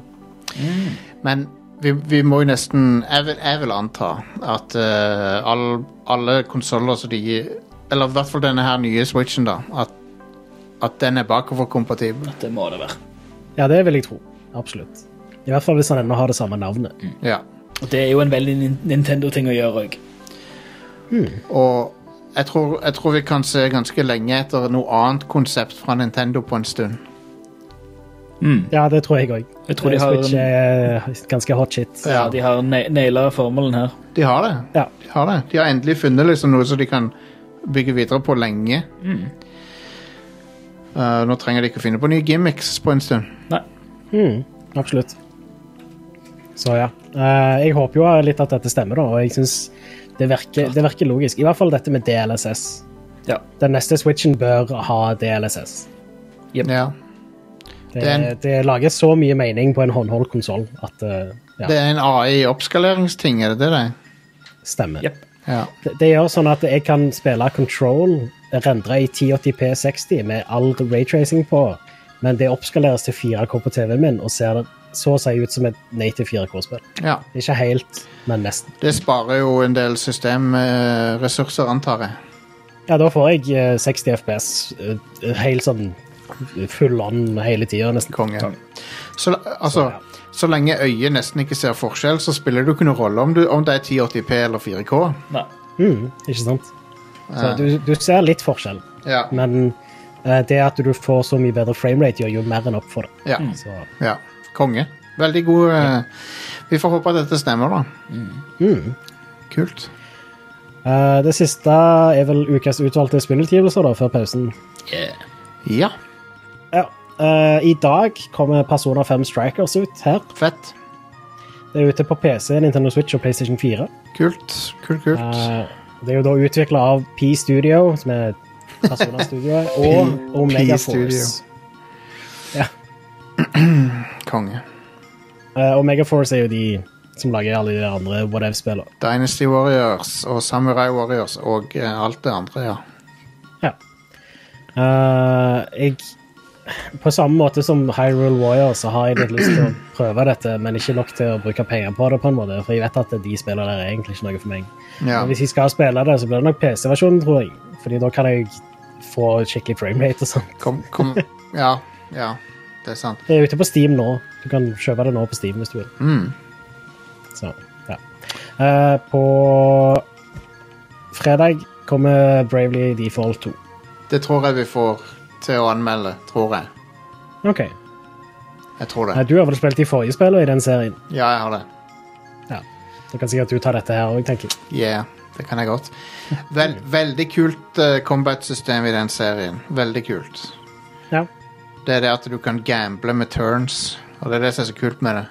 Så du kan, du kan tenke Hvis du antar liksom Jeg klarer sikkert å ta bossen på de to neste turnsene, så kan du forskuttere turnene og så satse på at det går bra. Men, Ja. men hvis det går feil, da, så har du plutselig to minus-turns, og da har bossen to turns til å naile det. Ah, Um, så det er et ganske kult system, det. mm. Og det er det som er Det er det tittelen kommer av. og Default er å ikke, ikke gjøre det Jeg husker ikke helt hva det er for noe, men ti- tittelen gir mening i hvert fall i forhold til spillmekanikken. Alright. Men uh, det er en stupid tittel for det. Ja. Ikke på default i spilltittelen din, what the fuck. Det var stupid. Jeg, hørte han, det var, jeg tror det var han Dunky som klagde på det òg. Ja. At, det- Sikkert. at det er default. Det er vel et Square Enix-spill, ikke det? De pleier jo alltid å ha sånne weird-ass-titler. Ja, og dette er jo ikke det dummeste når tittelen fra de by, eh, by a long shot. De har mye verre titler. Nei, det er helt sant. Um, Ja. Kingdom Hearts-serien har jo Kingdom Hearts 33 og en tredjedel. Det er sånn der, eh, Han Audun, Audun fra Gamer han skal forklare titlene for meg. Sånn, Nei, men det gir jo egentlig mening. Bare forestill deg at jeg snakker trøndersk nå. Det Bare please. Han, si- han sier sånn Det gir jo egentlig mening, liksom. Så forklarer han sånn sånn og sånn. og sånn. Eh, men, men nei. Det, jo, sånn, det gir mening hvis du er insane. Hvis, hvis du er sånn som Jeg har han s- Ja. Hvis du er Tetsuya Nomura, så gir det fuckings mening. Men det er bare han. Bare han. Jeg har spilt gjennom Kingdom Hearts 2. Uh, jeg er ikke så veldig interessert i å spille noe mer Kingdom Hearts. Uh, de spiller. Uh, det, Jeg liker veldig godt Disney-delene av de spillene, men med en gang du kommer til sånn den der Kingdom Hearts-storyen, så bare. Um, det er awesome i treeren å se en sånn Tangled og Frozen og sånn. For at eh, de, de har jo naila den her Pixar-stilen noe helt sykt med sånn moderne grafikk. da Kingdom Hearts 3 ser jo helt Eller- fantastisk ut, sånn grafisk sett. Eller ikke, ikke Pixar, unnskyld, men Walt Disney Studios CG-stil. Mm. Men ja. Nei, det ser helt nydelig ut. Det er helt enig. Det er helt konge. Men eh, jeg, står, jeg, jeg likte ikke storyen i treeren heller. Det var bare masse fjas. Ja, ja. Det er, det, det er sånn det. Det er Kingdom Hearts. Det er sånn, For hvert nye spill så har mengden med Final Fantasy-content minka. Til å begynne med så var det en krysning mellom Final Fantasy og Disney. Ja. Og så for hvert nye spill så er det litt mindre Final Fantasy-innhold av en eller annen grunn. Mm. Og mer Er det noe Ja. Nei, det er ingenting i Er det- treeren. Det er ingenting i treeren. Det er nesten ikke noe. Ja. Det er helt superskuffende. Ja. Så det Sånn er det. Hmm.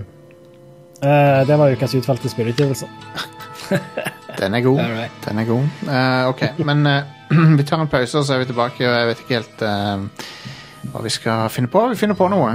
Det skjer noe Ja, i pausen ja. Spennende. Spennende å se.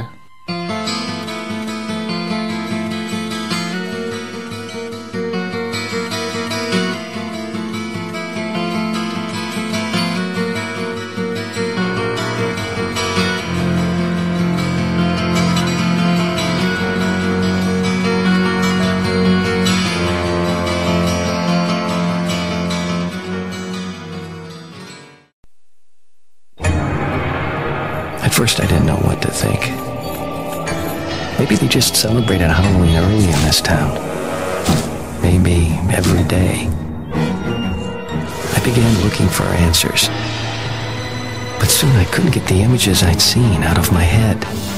And it was clear that their world was becoming mine. Bad dream, hun? Diablo 2. Play it now on PC and Macintosh. Rated M for mature.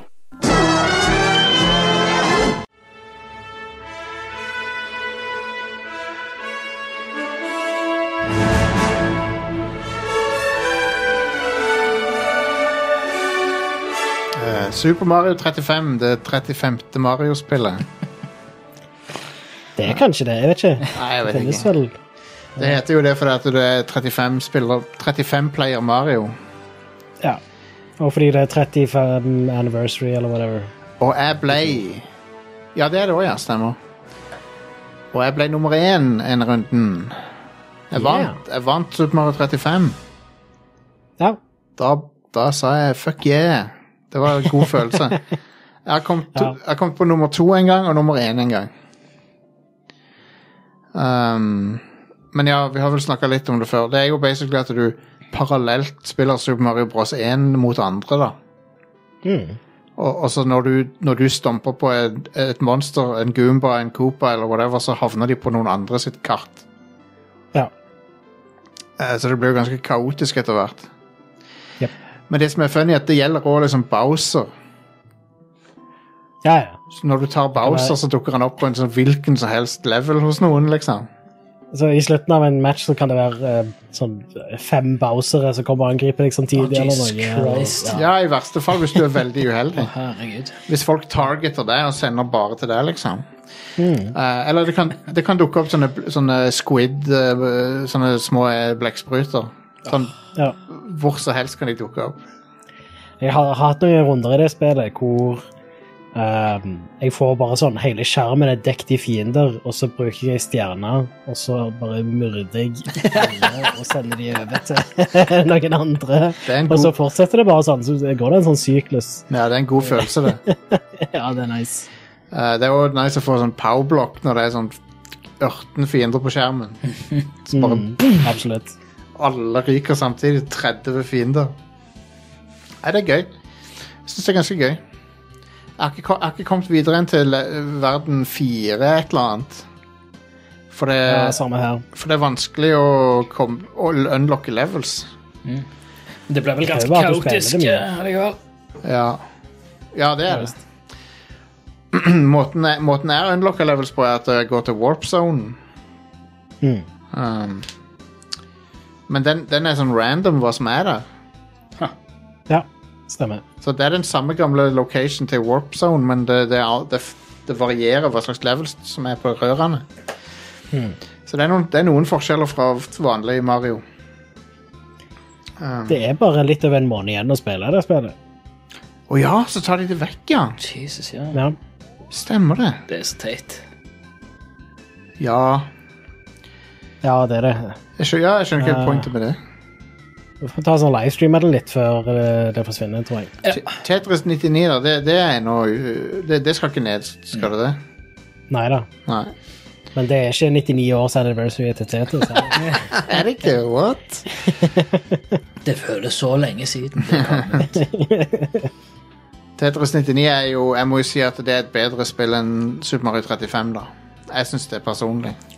Tetris-formelen er jo ganske universelt fantastisk. Ja, og så er han Oh yes. Det er en sånn, en, det er en sånn Det spillet er en sånn e evig serie med sånn dopamintriggere. Det er det.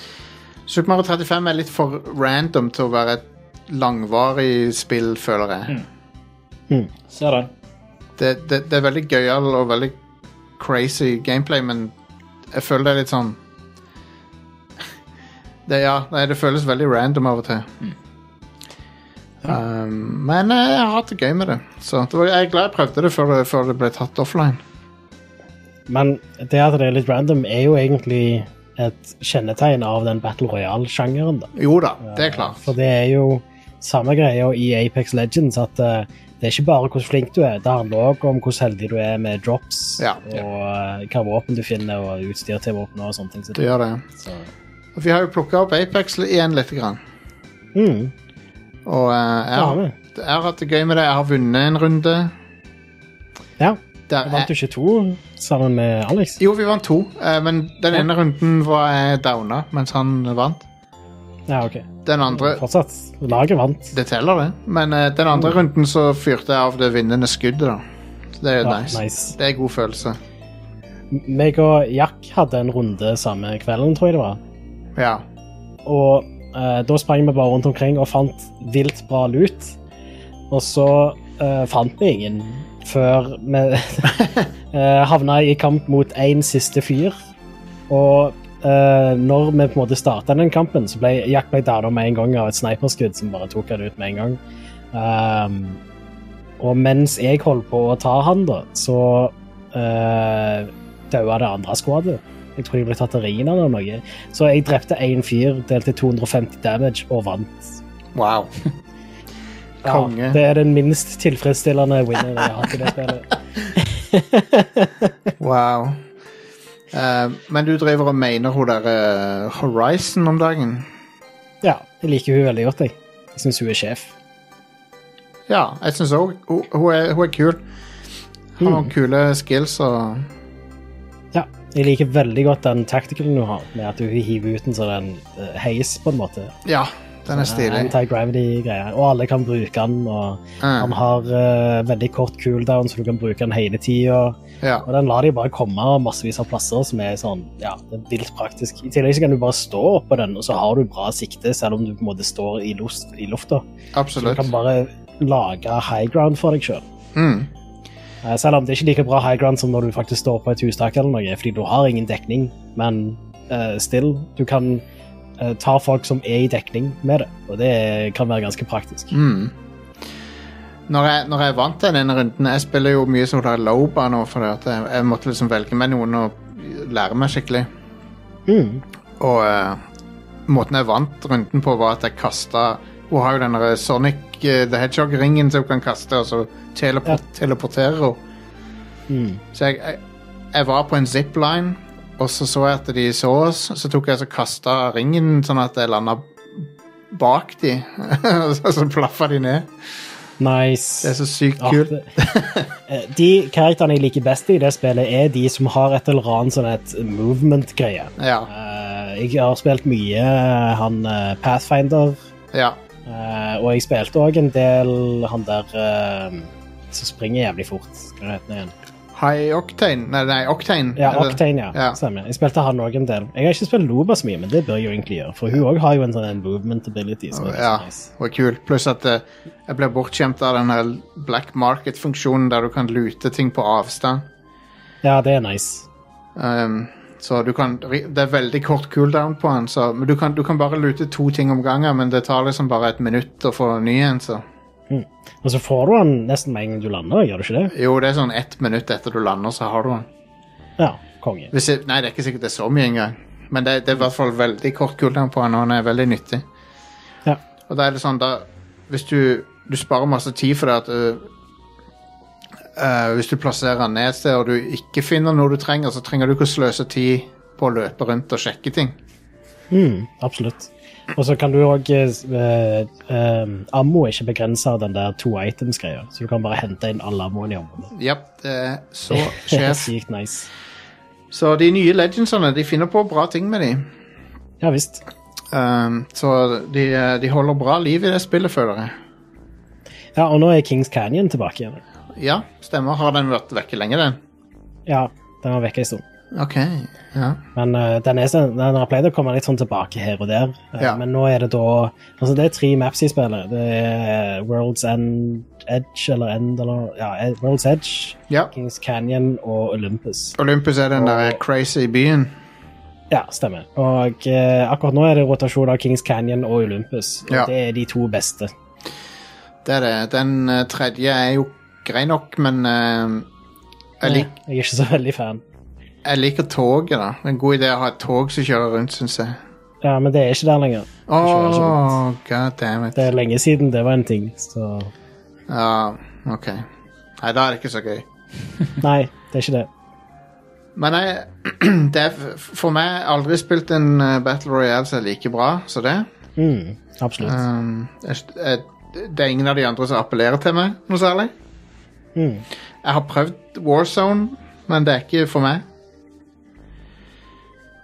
Um, selv om det har noen gode ideer. Ja. Sånn som Eh, gul Warzone var eh, ganske bra fram til de introduserte alle de Cold War-våpnene. ah, Var det det som har fucka det opp? Det har fucka det opp litt, ja. Fordi det, måten de våpnene er balansert på, er helt annerledes enn sånn som det var i Modern Warfare. Det fører til at eh, ja, det blir kjipt. Det forandrer spillet ganske mye. Jeg har sett folk klage på det da. Mm. At det ikke er så bra som det var i fjor. Ja. Men uh, nei, for, Og Fortnite kan jeg bare gi opp. Og jeg kan bare gi opp. Og prøve å bli god i det i det hele tatt. Det er Jeg har, jeg har ikke lyst til å gi det en sjanse engang. Så Nei, det er ikke vits. Jeg har ikke refleksene. jeg gidder ikke det der byggegreiene. Syns ikke det er noe. Det, altså, hvis jeg skal bygge noe, så vil jeg ha tid på meg. Jeg vil ikke stressbygge. det er det som er problemet. Jep. Jeg er, ikke, jeg er ikke noe imot å bygge ting. Jeg liker jo å spille der du bygger ting, men jeg bare liker ikke å måtte bygge noe mens noen skyter på meg. Bygging under press. Ja. Tenk, Pressbygging. ja. Det er jeg ikke så fan av. Nei, Men, det er eh, ikke noe appellerer. Det er altså. men eh, Fortnite eh, virker som det er going strong. Da. De har jo stadig sånne celebrity guests og sånn. fra av- fra, alt fra Master Chief til Nå er Ryu der. Ryu er i uh, Fortnite. Jeg har ikke bilde av uh, Ryu, med, Ryu med en Gatling gun. Ja, jeg så det. Jeg likte ikke det. Jeg syns det ser så feil ut. Men du, når du spiller um, Apex på PlayStation, møter Ja. du ofte på PC-spillere da? Jeg kan ikke se om de er det Eller jo, jeg, hvis jeg klikker på det teamet Jo, stemmer. Jeg kan vel se det når, når de dreper meg. Da kan jeg vel se det. Ja, Kanskje. da er det sånn et ikon. Ikke hvis, men når. Ja. Når de på meg. Ja. Uh, men jeg kan Men jeg vet faktisk ikke. Jeg har ikke, sjekk, jeg har ikke tenkt over det. Nei, jeg føler ikke at det er så veldig sånn åpenbart om de spiller med kontroller eller mus-tastatur. Det er jo egentlig en ganske bra ting, da. Jeg syns spillet uh, er ganske sånn ålreit balansert, sånn sett. Det syns jeg òg. Ja. Og uh, jeg, jeg har ikke hatt noe sånn så veldig mange ganger der jeg har følt at det der, å, her var det sånn urettferdig matcher, liksom. Mm. Eh, det eneste er at det var en sniper en gang som var jævlig god. Ja. Jeg, jeg spiller jo mest på PC nå, Ja. og jeg har merka at det, det er ofte fiender som er på avstand, og så er de vilt presise, og da tenker Ja. jeg med en gang at eh, disse her må nesten spille med mus-tastatur. Ja. Uh, og da klarer de å ta meg mye fortere enn jeg klarer å ta de. Ja. Eh, Jeg, har- jeg, bare, jeg har bare gitt opp å ha sånne sniper-utvekslinger. Det er ikke point i det. Jeg bare gjemmer meg. Prøver å ja, flanke med Ja, Nei, hva fortsett. sa. Jeg bare prøver, jeg prøver å flanke de isteden. Mm, det er bedre, det. Eh, jeg eh, har ikke pleid å bruke så mye sniper, men jeg burde egentlig begynne å gjøre det, fordi det er ofte at vi havner i situasjoner hvor det er en nødvendighet. Det er det. Eh, Teamet bør ha én person som har uh, sniperutstyr. Ja. Absolutt. Eh, for vi er for, i, Senest i går så havna jeg i situasjoner der det var et problem. Mm. Og så døde vi. Så, Ja. så sånn er det. Um, ellers har jeg jo spilt mer eh, World of Warcraft, litt på stream og sånn, og det er jeg fortsetter å bli suge i det. Um, det er noe med det at eh, Det er noe med Det som jeg sliter med, er å liksom prøve å være underholdende på stream og spille wow og kommunisere med de andre jeg spiller med. Det er ganske vanskelig. Mm. Men det er jo veldig gøy å ha de med på laget, de, de jeg spiller med og sånn, selvfølgelig. Ja, ja. Uh, og vi har det jo gøy, men uh, det er bare jeg føler at det er liksom uh, den dårligste alltid. og det er jeg jo, så det, det stemmer jo. Um, Det Men- krever jo litt ekstra når du livestreamer òg, da. Ja, da, du, da har du flere ting å følge med på, og da er det vanskelig å bare følge med på spillet. det er det, altså. Så vi burde hatt en egen producer som jobber med bare å livestreame for oss. Så, så vi ikke trengte Ja. å tenke på det. Mm. Det hadde vært nice. Det hadde vært en luksusting å ha. Ja. Jeg prøver jo å sette opp sånn at eh, det ikke er så mye effort å jobbe med streamen mens vi er live. For å sette opp så mye som det er mulig på forhånd. Men det er ikke alltid det er mulig. Men det er i hvert fall gøyere i Wow-streams, og det er jo folk som kommer og ser på det. Og sånn, så det, og det er jo, eh, det, men det, høydepunktet for meg er jo de sosiale tingene i Wow, egentlig. Combaten og sånn er litt whatever. Eller dicksucking bak tennene. Ja, det er det jeg vil se. Det det er det jeg har fått med meg som er the shit. Det er det jeg vil se. Jeg vil se litt ERP. Eh, den, den kvelden når vi så det der, da jeg, eh, Det er lenge siden jeg har ledd så godt som Ja, faen, det var hilarious. Ah, Litt ERP for deg, ass. mm. Det står for erotic roleplay, folkens. Yeah. Takk. Vi, vi, vi, en, vi drev ikke Vi engaga ikke i det, men vi så på. Hvis det er lov å si. Vi liker å se på. Ja. Um, Det er vel en kategori, det òg, tenker nei, det var innafor Twitch Terms of Service. Det var det. Vi brøyt ikke til OS. Nei, vi gjør ikke det. Um, jo, eh, eh, en ting til for, uh, før Stian. Du har spilt eh, Donut County. Eller er det Country? County. County, ja. Ja, ja etter, etter Are anbefalte det sist, så ble jeg gysla nysgjerrig. Nice. Eh, jeg så noen bilder av det, og sånt, og så så spilte jeg det. ja. Og det var bra? Og runda det i én sitting. Det var vel det et par-tre timer, eller noe sånt? Kanskje. Eh, ekstremt sjarmerende. Um, Liksom hele, hele liksom Det er det hølspillet, sant? Ja, Ja. Hølspillet. Ja.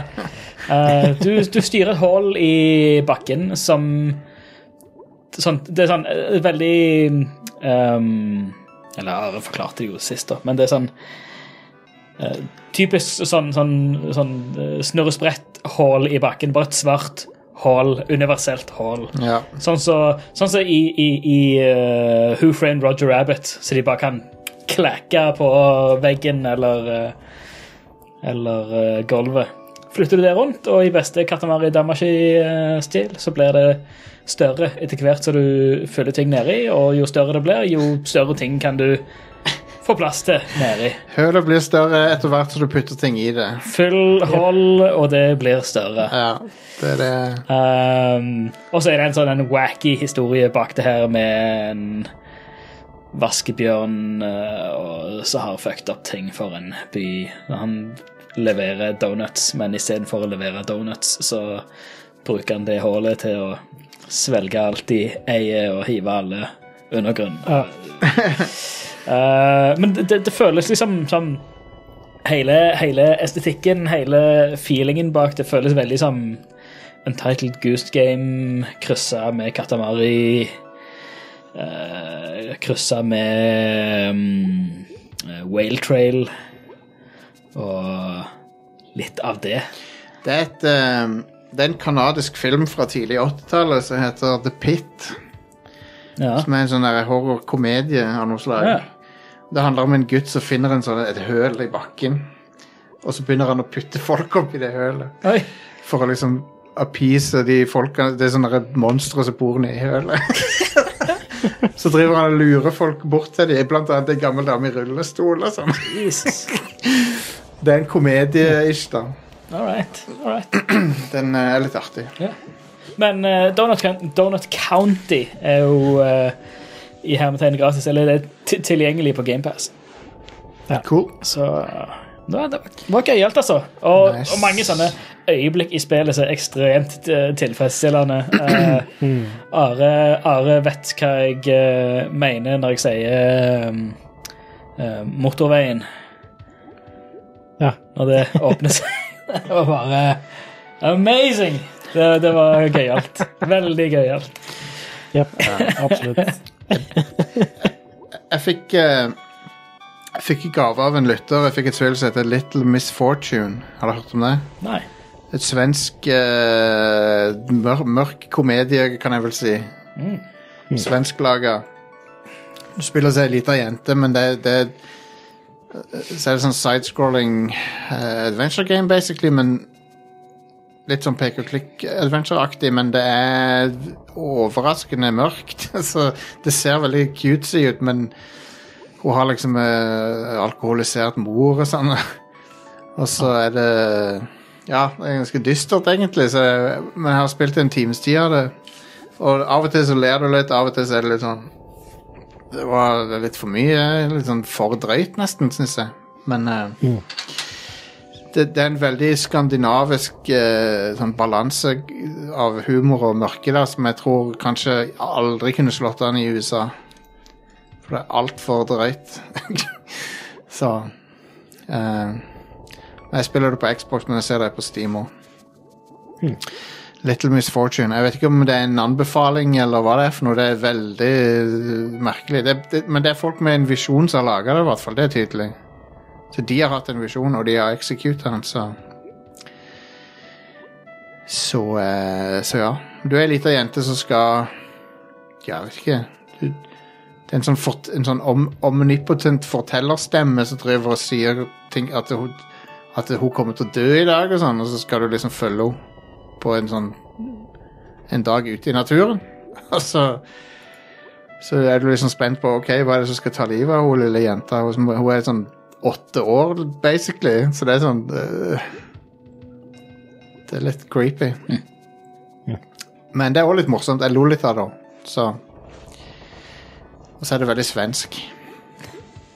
Veldig. Ja. Så det var det, Ja, nei. Jeg, jeg kan ikke anbefale det direkte, men jeg kan anbefale å sjekke det ut. Så ta og Se litt video av det, se om du syns det ser ut som noe. Men uh, utover det så har ikke jeg så mye mer nå å prate om. Annet enn uh, at uh, jeg gleder meg til Diablo 2 og 4. Oh yes. Gøy. Jeg lurer på om jeg skal starte en eh, ny karakter i Diablo 3. Altså, for, Jeg gjorde det, jeg gjorde det her i går, tror jeg det var. bare for å fylle den uh, dopamin den endorfin-dopamin-rushet? Bare fylle den, den trengselen. Jeg starta en hardcore Oh. uh, necromancer i går. Mm. Jeg har aldri spilt hardcore før. Så jeg tenkte nå skal jeg prøve det. Det betyr jo at når du dør, så er du død. Ja. Det er litt sånn eh, skummelt, men jeg tenkte jeg skulle prøve det. Da, får du ikke, da, har du, da kan du ikke dra nytte av den felles poolen av penger som du har heller. Eller noe sånn. Så det, når jeg, men når jeg logger på liksom en vanlig character jeg har i Diablo 3, så har jeg så mer penger enn jeg noensinne kan bruke nå. Mm. Jeg husker ikke helt hvor, hvordan jeg har fått så mye penger engang. Vel, det var jo ganske lett å tjene penger i begynnelsen i det spillet. Tidlig. Jo, men det er ikke der det kommer fra. Det kommer fra etter den der patchen, tror jeg. Ok. Men spillet er jo veldig sjenerøst nå. Da. Det overlesser deg jo med lut, så mm. Nesten litt mye av det gode av og til. Men uh, Necromancer-classen er veldig gøyal, da, syns jeg. Spesielt Corpse Explosion er veldig kult. Ja. For det holder, ja, det er gøy. for det holder å drepe én, og så har du det gående. Da kan du bare blast, blast, blast, blast, blast. Chain reaction of uh, corpse explosions. Hell yes. Yeah. Corpse Explosion det er mitt eh, nye dødsmetallband. For det, Corpse Explosion gjør 1000 x da, Nei, altså 1000 prosent damage eller noe sånt Noe, Av, av uh, weapon damage. What? Så det er sånn ti Det er jo OP. Ja, jeg vet det. Og det er en area of effect. Ja, ja. Diablo 3, Corpse Explosion vi se her. Med Jeg tror det var 1000% så 10 ganger. 1050% damage as physical. Holy shit! Ja, What? det er mega-OP. Jeg må bygge Eller har jeg en Jeg har en Necromancer, jo. Det er det som er så gøy, for det, når det er en hel mengde Ja. fiender, så trenger du bare ha ett korps der, og så har du det gående. Så her, target an area exploding up to five corpses within 11 yards each. Each dealing 1050% damage as physical to enemies within 20 yards. Og det er uten runer. Ja, ja, ja. Bloody mess. Selvfølgelig er det ei rune som heter Bloody mess. Tusen takk. Explosion radius of each individual corpse increases to 25 yards. Ja, det er helt sykt. Close quarters, damage type changes to poison. Damage of each corpse increases to 1575%. Ja, det er wild. Det føles nesten for OP, men det er veldig gøy, da. And the spell will now explode corpses close to the necromancer instead of close to the target area. Shrapnel, damage type changes to poison, and corpses will explode away from the necromancer, hitting all targets in a short cone instead of a circular blast. Cold damage. Damage type changes to cold and also freezes all enemies caught in the explosions for two seconds. Final, eh, final embrace. Er så fine navn! Ja, det er det. Corpses pull themselves towards the nearest enemy before exploding, but corpse explosion will cost will cost 2% of maximum life per corpse to cast. Du bruker livet ditt. Ja. Visually, each corpse will be transformed into a bloody minion, similar to Tormented Singer, which will then rush to the location of the nearest prey before death. Åh, jeg må spille Necromancer. ja, det er, kjempe, det er kjempegøy av Class. Åh, det er så gøy. Det var den siste de ga ut òg, men den er dritbra. Veldig kul. All right. Um, Rad Crew er tilbake neste uke. Yeah. Så håper dere tuner inn da. Vi er òg tilbake på lørdag med litt Red Crew Neon. Njau. Og eh, ja, det, det er vel det. Vi håper, jeg håper at du, Hvis du liker showet, så håper jeg du vurderer å backe oss på patreon.com slash radcrewpodcast. Eh, det er eh, noe vi setter veldig pris på. Um, og så join forskjellige communityene våre. Discord og Facebook har vi ei gruppe på.